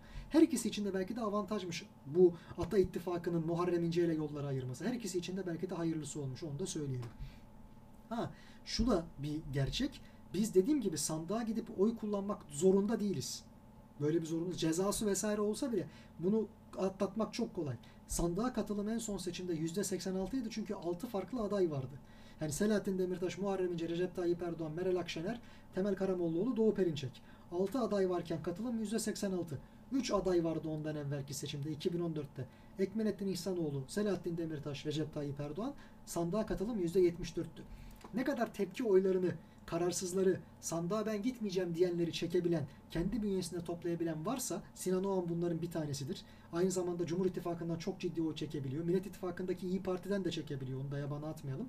Bunu yapabiliyorsa önemli. Aynı zamanda Muharrem İnce tepkisel oyların pek çoğunu zaten alacak ve Z kuşağı denilen ilk kez oy kullanacak çok ciddi bir nüfus da onun ve Sinan Oğan'ın destekçisi. Altılı Masa'dan da Cumhur İttifakı'ndan da Millet İttifakı'ndan da bıkmış durumdalar. Gerçekten. Bu yüzden temelde her ikisinin de varlığı çok önemli. Her ikisinin de temsil ettiği değerlerin orada temsil edilebiliyor olması, birer cumhurbaşkanı adayıyla var olabiliyor ve seçimlere girebiliyor olması çok önemli. Hiçbirisi zaten en başından beri tek başına hiç öyle bir ikinci tura falan kalacak durumda değildi. Hatta az evvel de iddia ettiğim üzere Kemal Kılıçdaroğlu öyle şeyler yapıyor ki tek başına seçimi alacaksa bile, alacağı varsa bile ilk turda kendi topuğuna sıkarak, kendi ayağını burkarak diyelim takılıp düşürerek kendini düşürterek kendini o ihtimali ortadan kaldırıyor. Ne zaman %50'yi aşıyormuş gibi bir intiba olsa Kemal Kılıçdaroğlu'nda hemen yapacak tuhaf bir şey buluyorlar bunu aşağı çekmek ve diğer tarafa ümit vermek noktasında. Bu 2015 seçimlerinde de böyleydi hatırlayalım. Koalisyon kurmayı beceremediler AK Parti %40'a inince diğer partiler. MHP zaten en baştan itibaren oyun bozanlık etti. Orayı bitirdi. Ekmelettin İhsanoğlu ile CHP'yi zaten bitirdi kaset kumpası kuran FETÖ'ye karşı mücadele ediyor diye Adalet ve Kalkınma Partisi'ni yüceltti Recep Tayyip Erdoğan'ı. Şimdi muhtemelen de Cumhur İttifakı'na geçti Devlet Bahçeli ve MHP ve orayı bitirecekler bu seçimde. Bakalım göreceğiz. Onların oylarını eritecekler. Tabii ne şanslarına gidiyor ki AK Partililerin kendi oyları erirken kendilerinden eskiden bağlı bulunan insanları CHP ve İyi Parti sağ olsunlar meclise sokacakları için bu sıralardan siyasal İslamcılar aynı şekilde mecliste çok daha belki koyu bir mensubiyetle yer almayı sürdürecekler. Ben açıkçası seçimin iki, ikinci tura kalacağını her halükarda düşünüyorum. Abes bir şey olmazsa yani. Onu da söyleyelim. Hani Allah muhafaza gene bir doğal afet, bir iç savaş ihtimali, çok büyük bir kriz, ölüm, kalım vesaire gibi bir şey olmazsa ikinci tura kalacağını, dört adayın da burada yarışacağını sağ salim düşünüyorum. İkinci tura kim kalır? Benim her zaman gönlümden geçen hem halkın belirlediği ve 100 bin imza vererek orada tenfiz edip meşru kıldığı iki aday olması noktasında hem de benim açıkçası görmeyi çok istediğim iki profili temsil ettikleri için Muharrem İnce ile Sinan Oğan'ın ikinci turda olmasını ben çok isterim. Ama muhtemelen en fazla ikisinden biri orada olabilecek. Şu anki dizilişe göre. Yani şu anki havaya göre. İkisinin de şöyle bir avantajı var. Burayı idare ederlerse iyi bir şekilde tıpkı Yeniler Refah Partisi'nde veya Allah muhafaza Hüdapar'da olacağı gibi hemen sonra ekonomik kriz derinleşeceği için kim gelirse gelsin bir önceki dönemden kalma taahhütler veya borçlanmalar artacağından kur korumalı mevduat, deprem bölgesine yapılacak olan yardım, seçim ekonomisi bunların hepsi EYT'ler bir şekilde bize ikinci 6 ayda yansıyacağından dolayı kim gelirse gelsin ekonomik kriz derinleşecek. Belki her türlü ittifakın paydaşı veya koalisyon ortakları anlaşamayacaklar ve iki yılını doldurmadan yeniden seçime gelecek. İşte o zaman daha az yıpranmış olan, bu dönemi iyi götürmüş olan Sinan Oğan gibi, Ata İttifakı gibi, Zafer Partisi veya Adalet Partisi veya diğer bileşenleri gibi, aynı şekilde Muharrem İnce ve Memleket Partisi gibi partilerde aynı Yeniden Refah Partisi'nde olduğu gibi daha yukarı çekebilecekler kendilerini. Tip de bu konuda çok büyük bir avantaj sahibi olabilir. İşleri doğru götürürse. Onu da söyleyelim.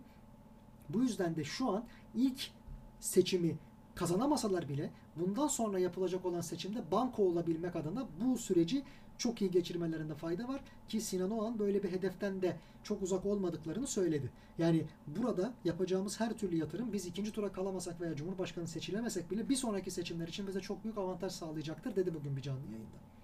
Onu da söyleyelim. Bu da doğru bir hedeftir. Yavaş da olsa 4-5 sene değil belki 2 sene 2,5 sene içerisinde yapılacak yeni bir seçimde memlekette daha fazla umut olabilmek ve şimdikinden çok daha fazla destek görüp görebilmek anlamına gelebiliyor. Ha biz bu zümrelerden mi destek görmeliyiz? CHP'nin kime nasıl destek verdiği belli, İyi Parti'nin neler yaptığı belli, Cumhur İttifakı'nın neler yaptığı belli. Bunlardan gelecek destek Allah'tan gelsin ya deriz hepimiz. Ama öyle enteresan bir noktaya geldi ki CHP. Kendi ilkeleriyle vesaire falan geçtim. Kendi kadrolarıyla bir şey yapamayacağını da geçtim. Başkalarından devşirme yaptığı kadrolarla da bir şey yapamıyor tek başına iktidar olamıyor.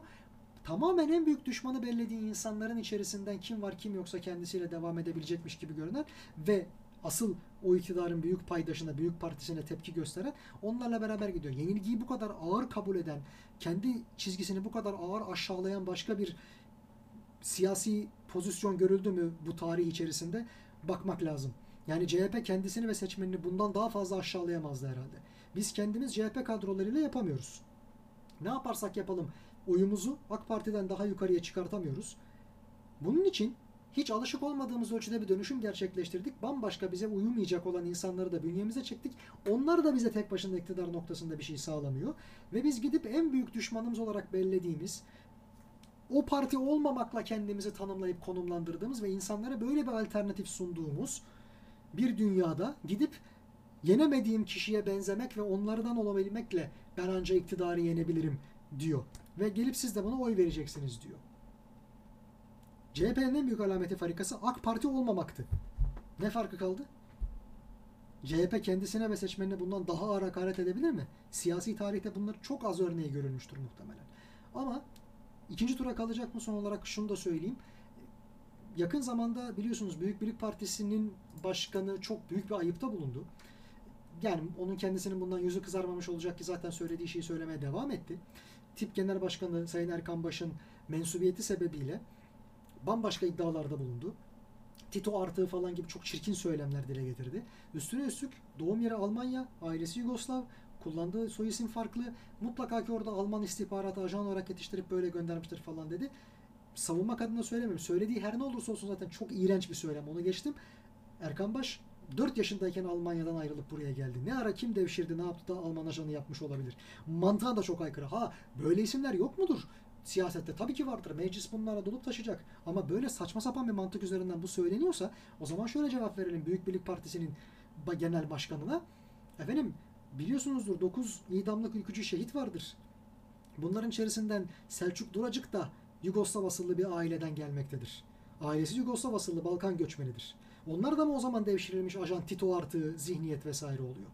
Bunu böyle mi algılamak lazım? O zaman da Tito'nun hükümeti vardı Yugoslavya'da.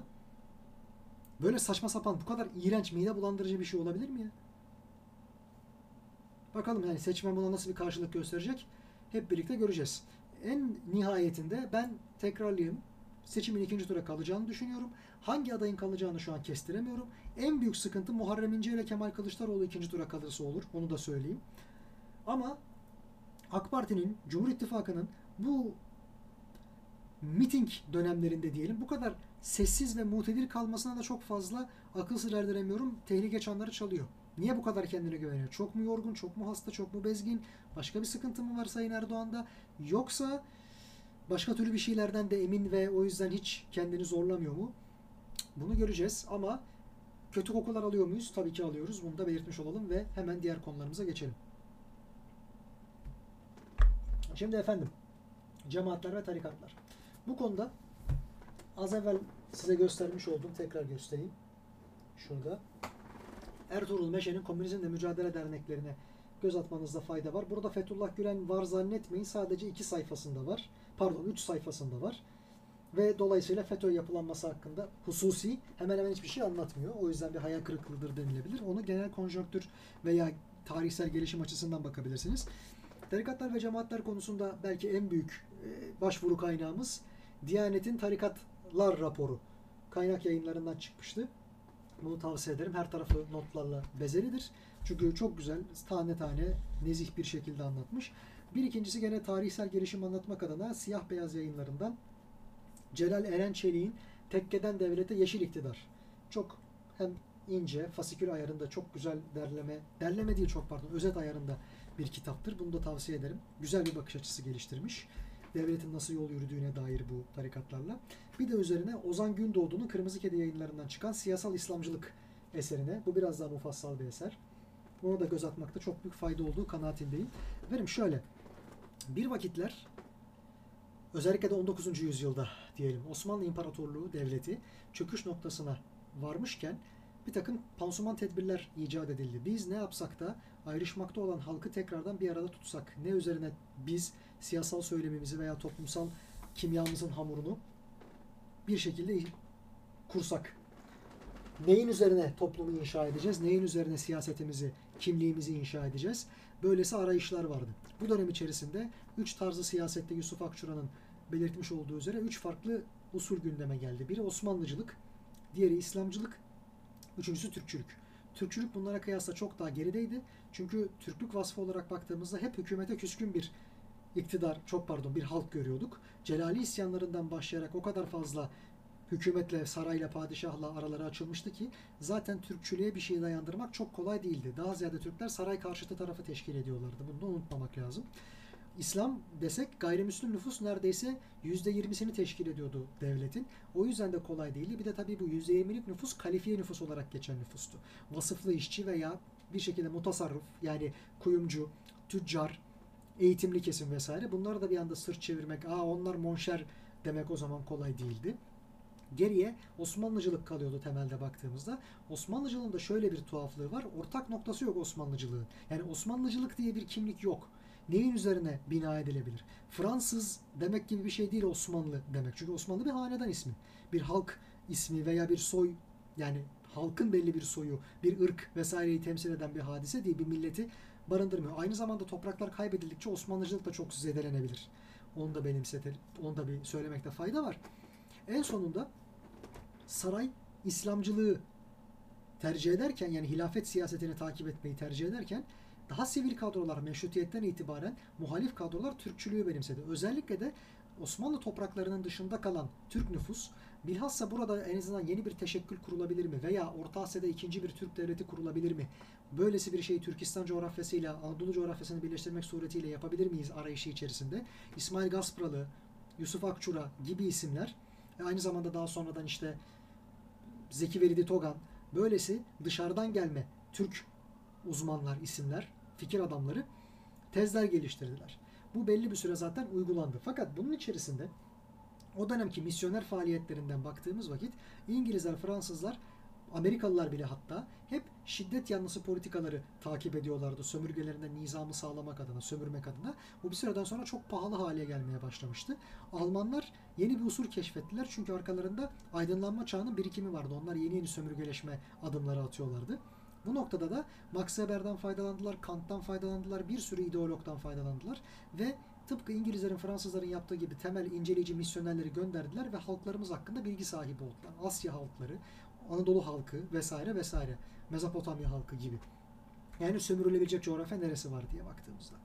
Ve devamında şunu gördüler. Afrika'nın kitabi olmayan diyelim dinleri, daha animizm vesaire gibi inanışları aslında toplumsal birlikteliği yaşamak, ticareti ve siyasal hayatı ve sosyal hayatı düzene sokmak noktalarında daha az kural sahibi.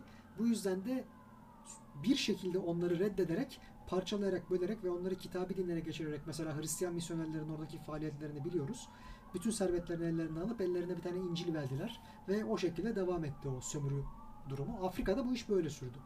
İslamsa her ne kadar Hristiyanlığın çok büyük düşmanı olsa bile bir baktı ki Alman mütefekkirler aslında biz bu insanları kullanabiliriz.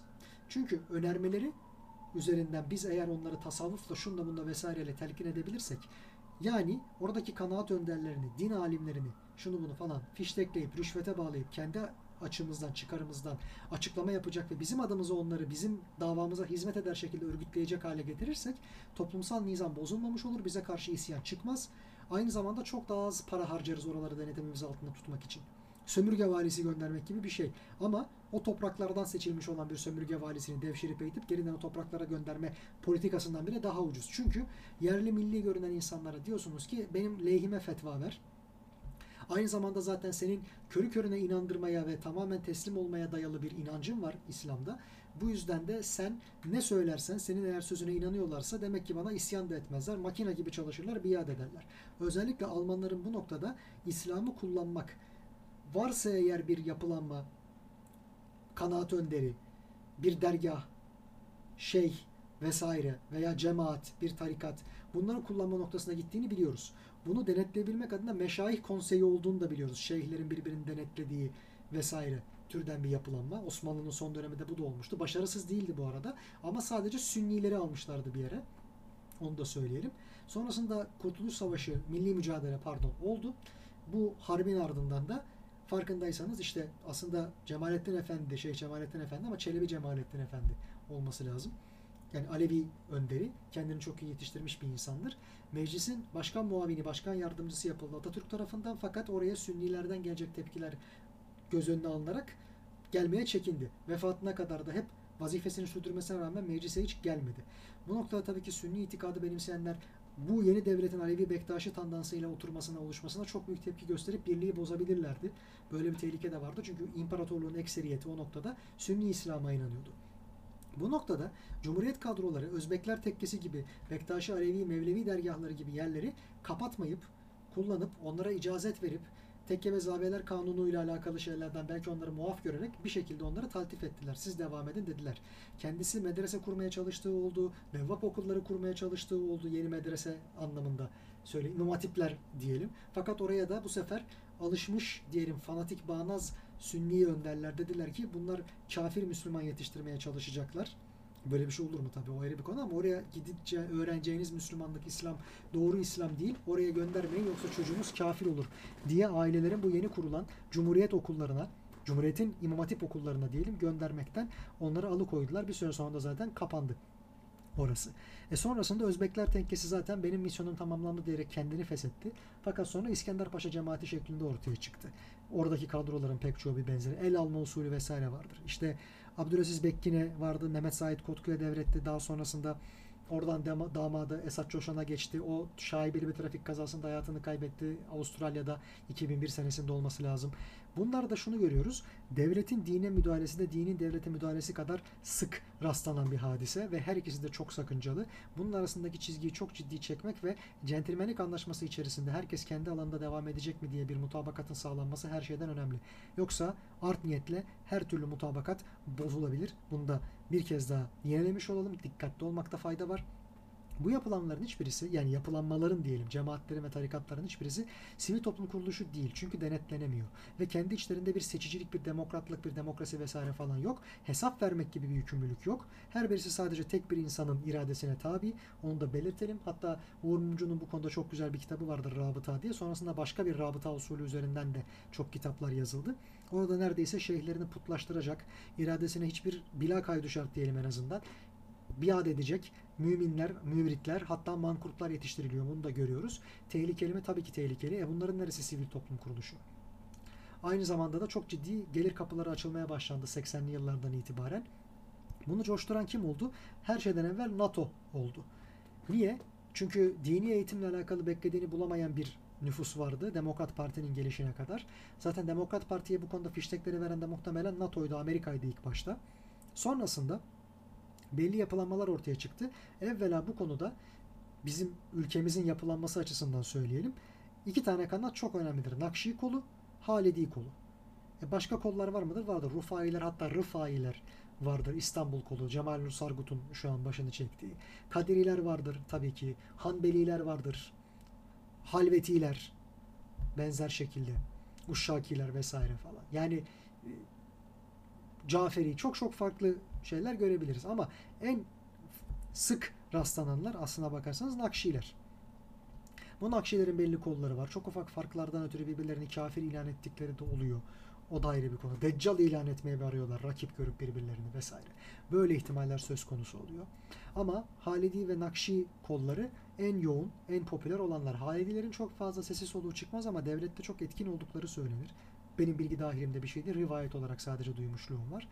Bunlar dan evvel aslında bu konuyu en fazla bu kolu temsil edenler Nurculardı. Said Nursi, Said Kürdi hayattayken diyelim 1960'ta vefat etti. Ve o zaman içerisinde ama tartışmalı çok fazla şey var. Nurculuğa hiç girmeyeceğim şu an. Ama birbirlerini çok reddeden kanatları var şu an. Yeni Asya ayrı, okuyucular, yazıcılar bunların hepsi birbirine giriyorlar. Bambaşka şeyleri savunuyorlar. Samimi olanları var, olmayanları var vesaire. Aslında Cumhuriyet kurulduktan itibaren 1930'larda Muğla'lı Mustafa Paşa olayı olduğunda benzer dönemde henüz NATO'ya katılınmamışken veya hatta Kore Harbi'ne asker bile göndermeden evvel ordunun içerisinde Nurcu yapılanmaya çok fazla meyleden kanat var. O yüzden de dikkat etmek lazım diye raporların gittiği, bunların bunlara meyleden insanların tasfiye edildiği vaki araştırıp bulabilirsiniz. O zamanki FETÖ'cülük korkusu veya tarikatların, cemaatlerin orduya sızması korkusu nurculuk üzerinden hep ifade ediliyordu. Sonrasında o nurculuk Kestane pazarında bir tane ne ödüğü belirsiz bir imamı bulan Yaşar Tunagür gibi işte Diyanet kadrosundan veya Kasım Gülek gibi siyasi kadrodan birileri tuttular. Fethullah Gülen diye birisini çıkardılar ve zaman içerisinde ona Nurculara evvela o zaman işte en büyük ve en fazla anılan oydu. En geniş kitlesi olan. Önce Nurculardan biriymiş bir yank olmuş gibi gösterdiler. Sonra bu tamamen bağlarını kopartıp başka bir türlü şey oldu ve sonrasında dini yapılanma olarak anılmaktan çıktı. Bambaşka türden bir ajan yapılanmasına dönüştü. Başkaları da var mıdır bu konuda? Tabii ki vardır. Bu tarz kanaat grupları, bu tarz baskı grupları, cazibe merkezleri hiçbir şekilde hiçbir tarikatın, pardon hiçbir devletin, hiçbir istihbarat ajanının dikkatinden kaçmaz. Hele ki o devletin iç işlerine karışmak istiyorsanız, toplumsal huzuru bozmak, başka türlü bir dinamiği, mozaiği mahvetmek istiyorsanız tamamen bunlardan faydalanırsınız. Geçtiğimiz programlarda mesela bahsetmiştik Hüdapar, Hizbullah, PKK veya HDP söz konusuyken her ne kadar siz oraya vaziyet etmek için adamlarınızı da soksanız, liderlerini değiştirip hapse de atsanız, öldürseniz de hiçbir şey fark etmez. Belli bir potansiyele erişmiş, belli bir sosyalliğe, popülerliğe erişmiş, belli bir baskı grubu kurma imkanını elde etmiş ve bu kadar büyümüş yapılar mutlaka ki birkaç tane devletin veya istihbarat teşkilatının kontrolüne girecektir. Sizde kalmayacaklardır çünkü para sizde değil, güç sizde değil. Mutlaka başkaları onları devşirip kendi amaçları uğruna kullanacaktır. Yani bu yapılarla şaka olmaz. Bu yapılarla da cemaat ve tarikatlarla da şaka olmaz. Çünkü hatırlayalım 1950'lerden itibaren onlar Demokrat Parti'nin tevessülü şeklinde onlara yüzünü dönmesi açısından oy kullanmaya başladılar. Yoksa zaten demokrasi veya gidip oy vermek, sandıkta oy kullanmak şeriata aykırıdır. Katiyen ve katiyen böyle bir şey yapmayın. Çünkü o noktada şeriatla yönetilmeyen bir devlette, Darül Harp dediğimiz bir yerde yönetimi meşru kılacak olan bir irade beyanında bulunursunuz diyerek bu mensuplarının hiçbirisinin sandığa gitmemesini sağlıyorlardı. O noktadan itibaren tabii ki onların da çok ciddi hatta seri diyelim takır takır oy basılan bir makineye dönüştüğünü görüyoruz. Aşiretlerde böyleydi, örgütlerde böyle, her türlü dinamik, her türlü toplum içerisindeki baskı grubu böyle etki yapabilecek. Dolayısıyla bunlara gitgide tavizler verilmeye ve yönetime dahil edilmeye başlandılar. 80'lerden sonra önceden başka gruplara verilmiş olan imtiyazlar mesela askere bilhassa bu isimlere verildi ve bunlar coştular, coştukça coştular. Bürokratlardan alınıp belki de onlara verildi bu pay ve paye, bu kadar fazla zenginleşme, holdingleşme imkanları vesaire. Devamında da zaten şu an başımıza bela olan bir takım örümcek ağ gibi düzenler ortaya çıktı. Belki de en isminden söz ettirenleri işte şu an ifşa oldu, tasfiye edilmedi maalesef tam kadrolarıyla. Görüyoruz başımızdalar veya yanı başımızdalar daha da beteri. Ama bunun dışında Süleymancılar, Menzilciler, başka kollar, Erenköy cemaati, Işık cemaati, İskender Paşa, İsmail bunların hepsini ayrı ayrı veya işte İsmail Ağa'dan kopup gelen Cübbeli Ahmet vesaire gibi bunların hepsini görüyoruz. Hepsi ayrı ayrı, hepsi bizim başımıza bela ama şunu unutuyoruz. Ama sosyal konularda, ama farklı konularda, mali konularda, eğitim konusunda vesaire vesaire devlet kendi üzerine düşeni yapmazsa, sorumluluklarını yerine getirmezse elbet birileri o sorumluluğu yerine getirir ve bunu yapan o insanların nezdinde devlet muamelesi görür. Devletten daha yukarıdır. Güneydoğu'da bu PKK ile yansıdı, Hizbullah'la yansıdı. Hizbullah'la daha az yansıdı onu söyleyelim. PKK ile çok yansıdı ve FETÖ ile çok yansıdı. Devletin gidip orada açamadığı okulları, yapamadığı tesisleri, imkanları Fethullah Gülen belki devlet eliyle ve devlet imkanlarıyla yapıyordu ama o kontrol elbette bir yerden sonra devletin elinden çıkıp başkalarının denetimine girecekti. Belki PKK'da da böyle olduğu iddialar var bu konuda. Dolayısıyla bu yapılanmalara pek fazla şaka olmaz. E, siyasete eklenme, eklemlenmeleri, basına hatta sonrasında finans sistemine eklemlenmeleri onları daha da girift kemik ve bir kemikleşmiş ve birbiriyle de her daim belki çatışır hale getirdi.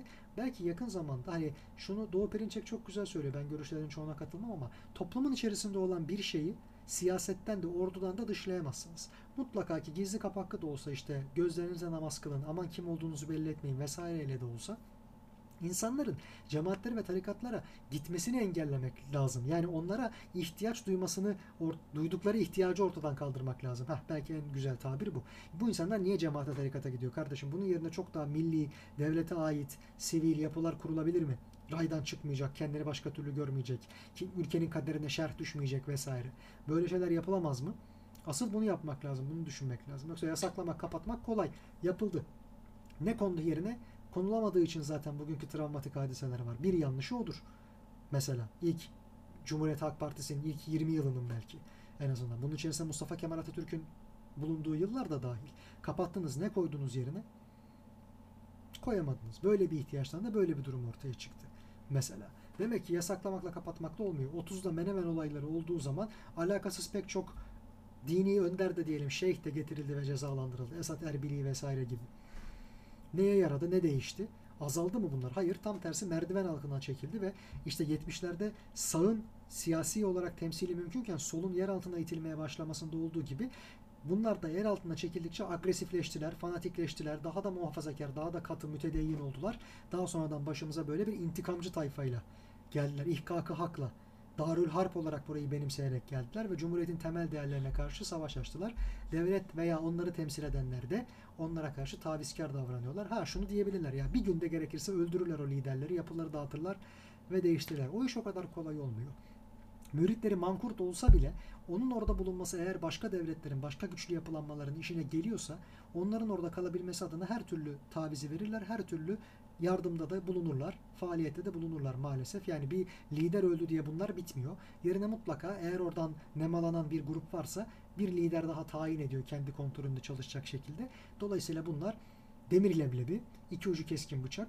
Bu yüzden de aslında insanlar niye buraya ihtiyaç duyuyorlar, niye buraya gidiyorlar, intisap ediyorlar, niye başka türlü yaşamak istemiyorlar cemaat olarak dinlerini vesaire gibi bu ihtiyaçlara dair bir takım araştırmalar yapılmasında fayda var. Seçimlerde belirleyici olacaklar mı, içeriye sokacaklar mı mensuplarını parlamentoya vesaire Göreceğiz ama belirleyici olacaklar mı? Önemli etkileri olacak maalesef.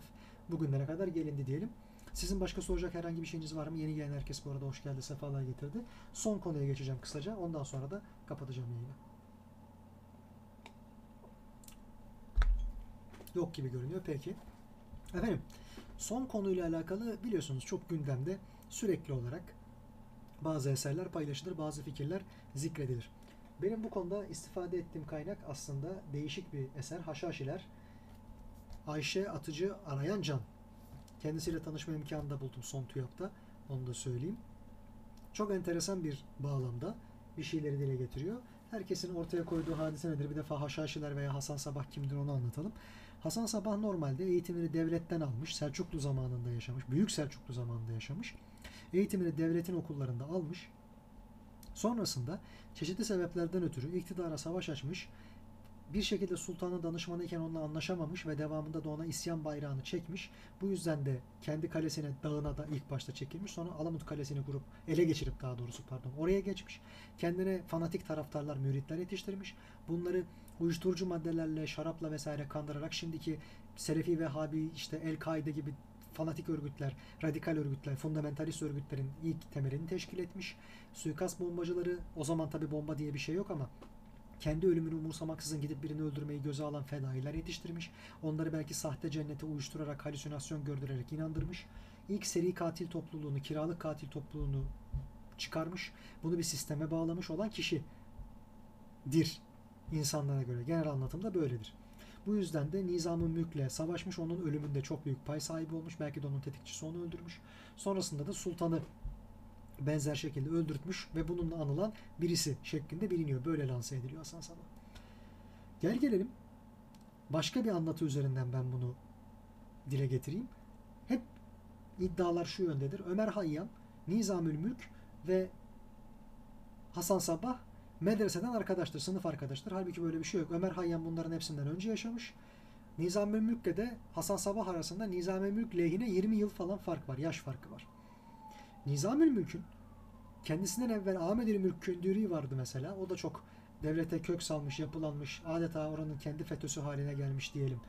Paralel devleti olmaya başlamış bir sadrazam diyebileceğimiz bir kişisi vardı.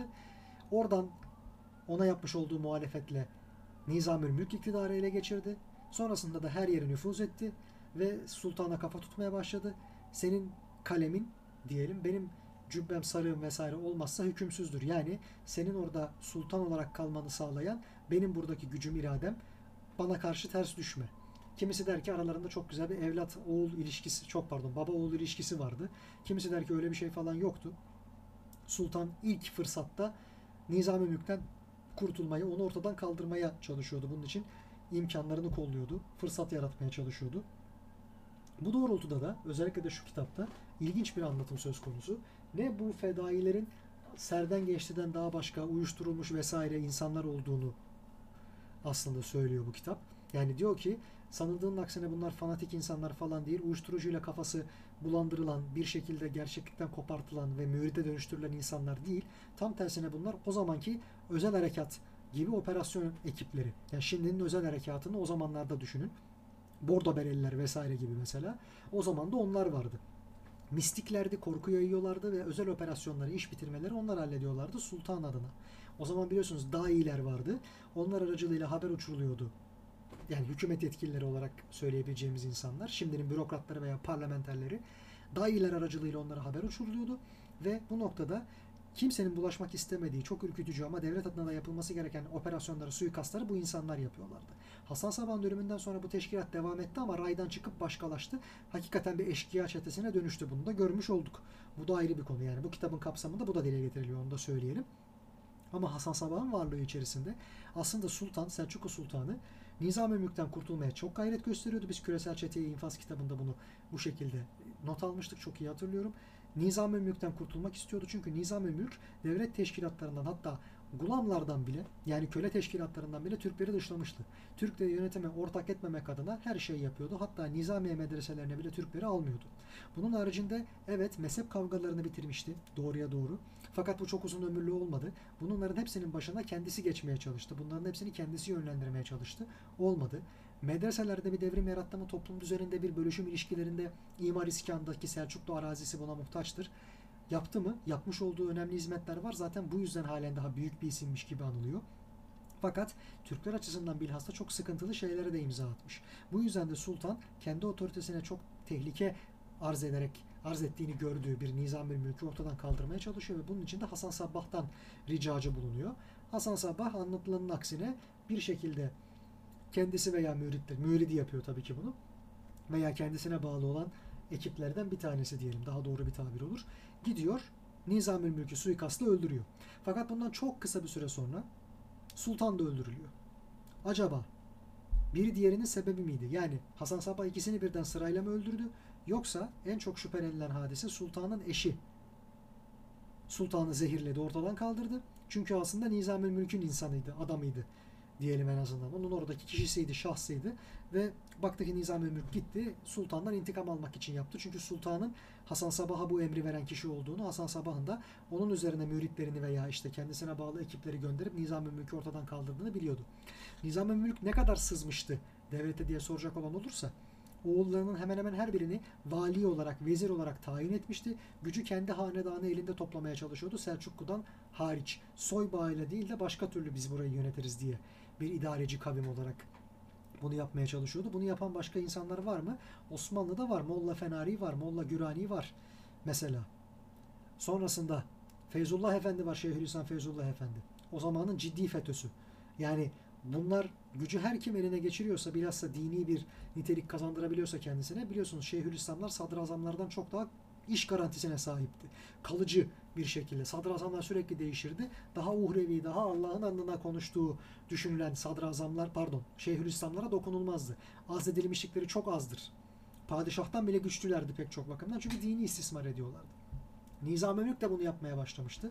Yani dünyevi gücü ele geçirdi, ahiret gücünü de ele geçirecek, kendini toplayacak ve bu devletin sonu olacak diye fazla endişe eden bir sultanın Hasan Sabbah'tan bunu bu suikastı gerçekleştirmeyi murad etmiş olması, bu emri vermiş olması diyelim gayet mümkün. Onu da belirtelim. Ha bu konudaki hakikatler mutlaka zaman içerisinde daha da ortaya çıkacaktır. Fakat klasik anlatının aksine hem Nizam-ı Mülk hem de Hasan Sabah konusundaki bu klasik anlatının aksine böyle bir alternatif gerçekliğinde ortaya çıkartılmaya başlandığını ve bunun ciddi kaynakçalara dayandırıldığını da söylemek isterim efendim.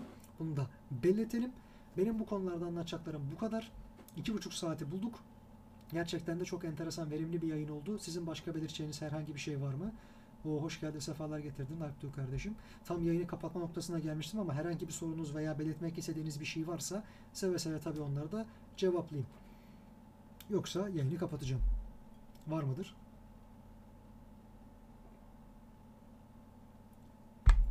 Pekala. Efendim, sürçülisan ettiysem, lafı güzaf ettiysem affola. Yayına katıldığınız için çok teşekkür ediyorum. Canımız ne istersenin 11. bölümünün bu sezonki 11. bölümünün sonuna geldik. Her zaman olduğu gibi yayını sevgili merhum İsmet Badem abimizin dillere pelesenko vecizesiyle noktalayacağız. Dudaklarınızdan tebessüm, kalbinizden vatan sevgisi eksik olmasın. Şen kalın, esen kalın. Tekrardan görüşünceye dek hoşçakalın.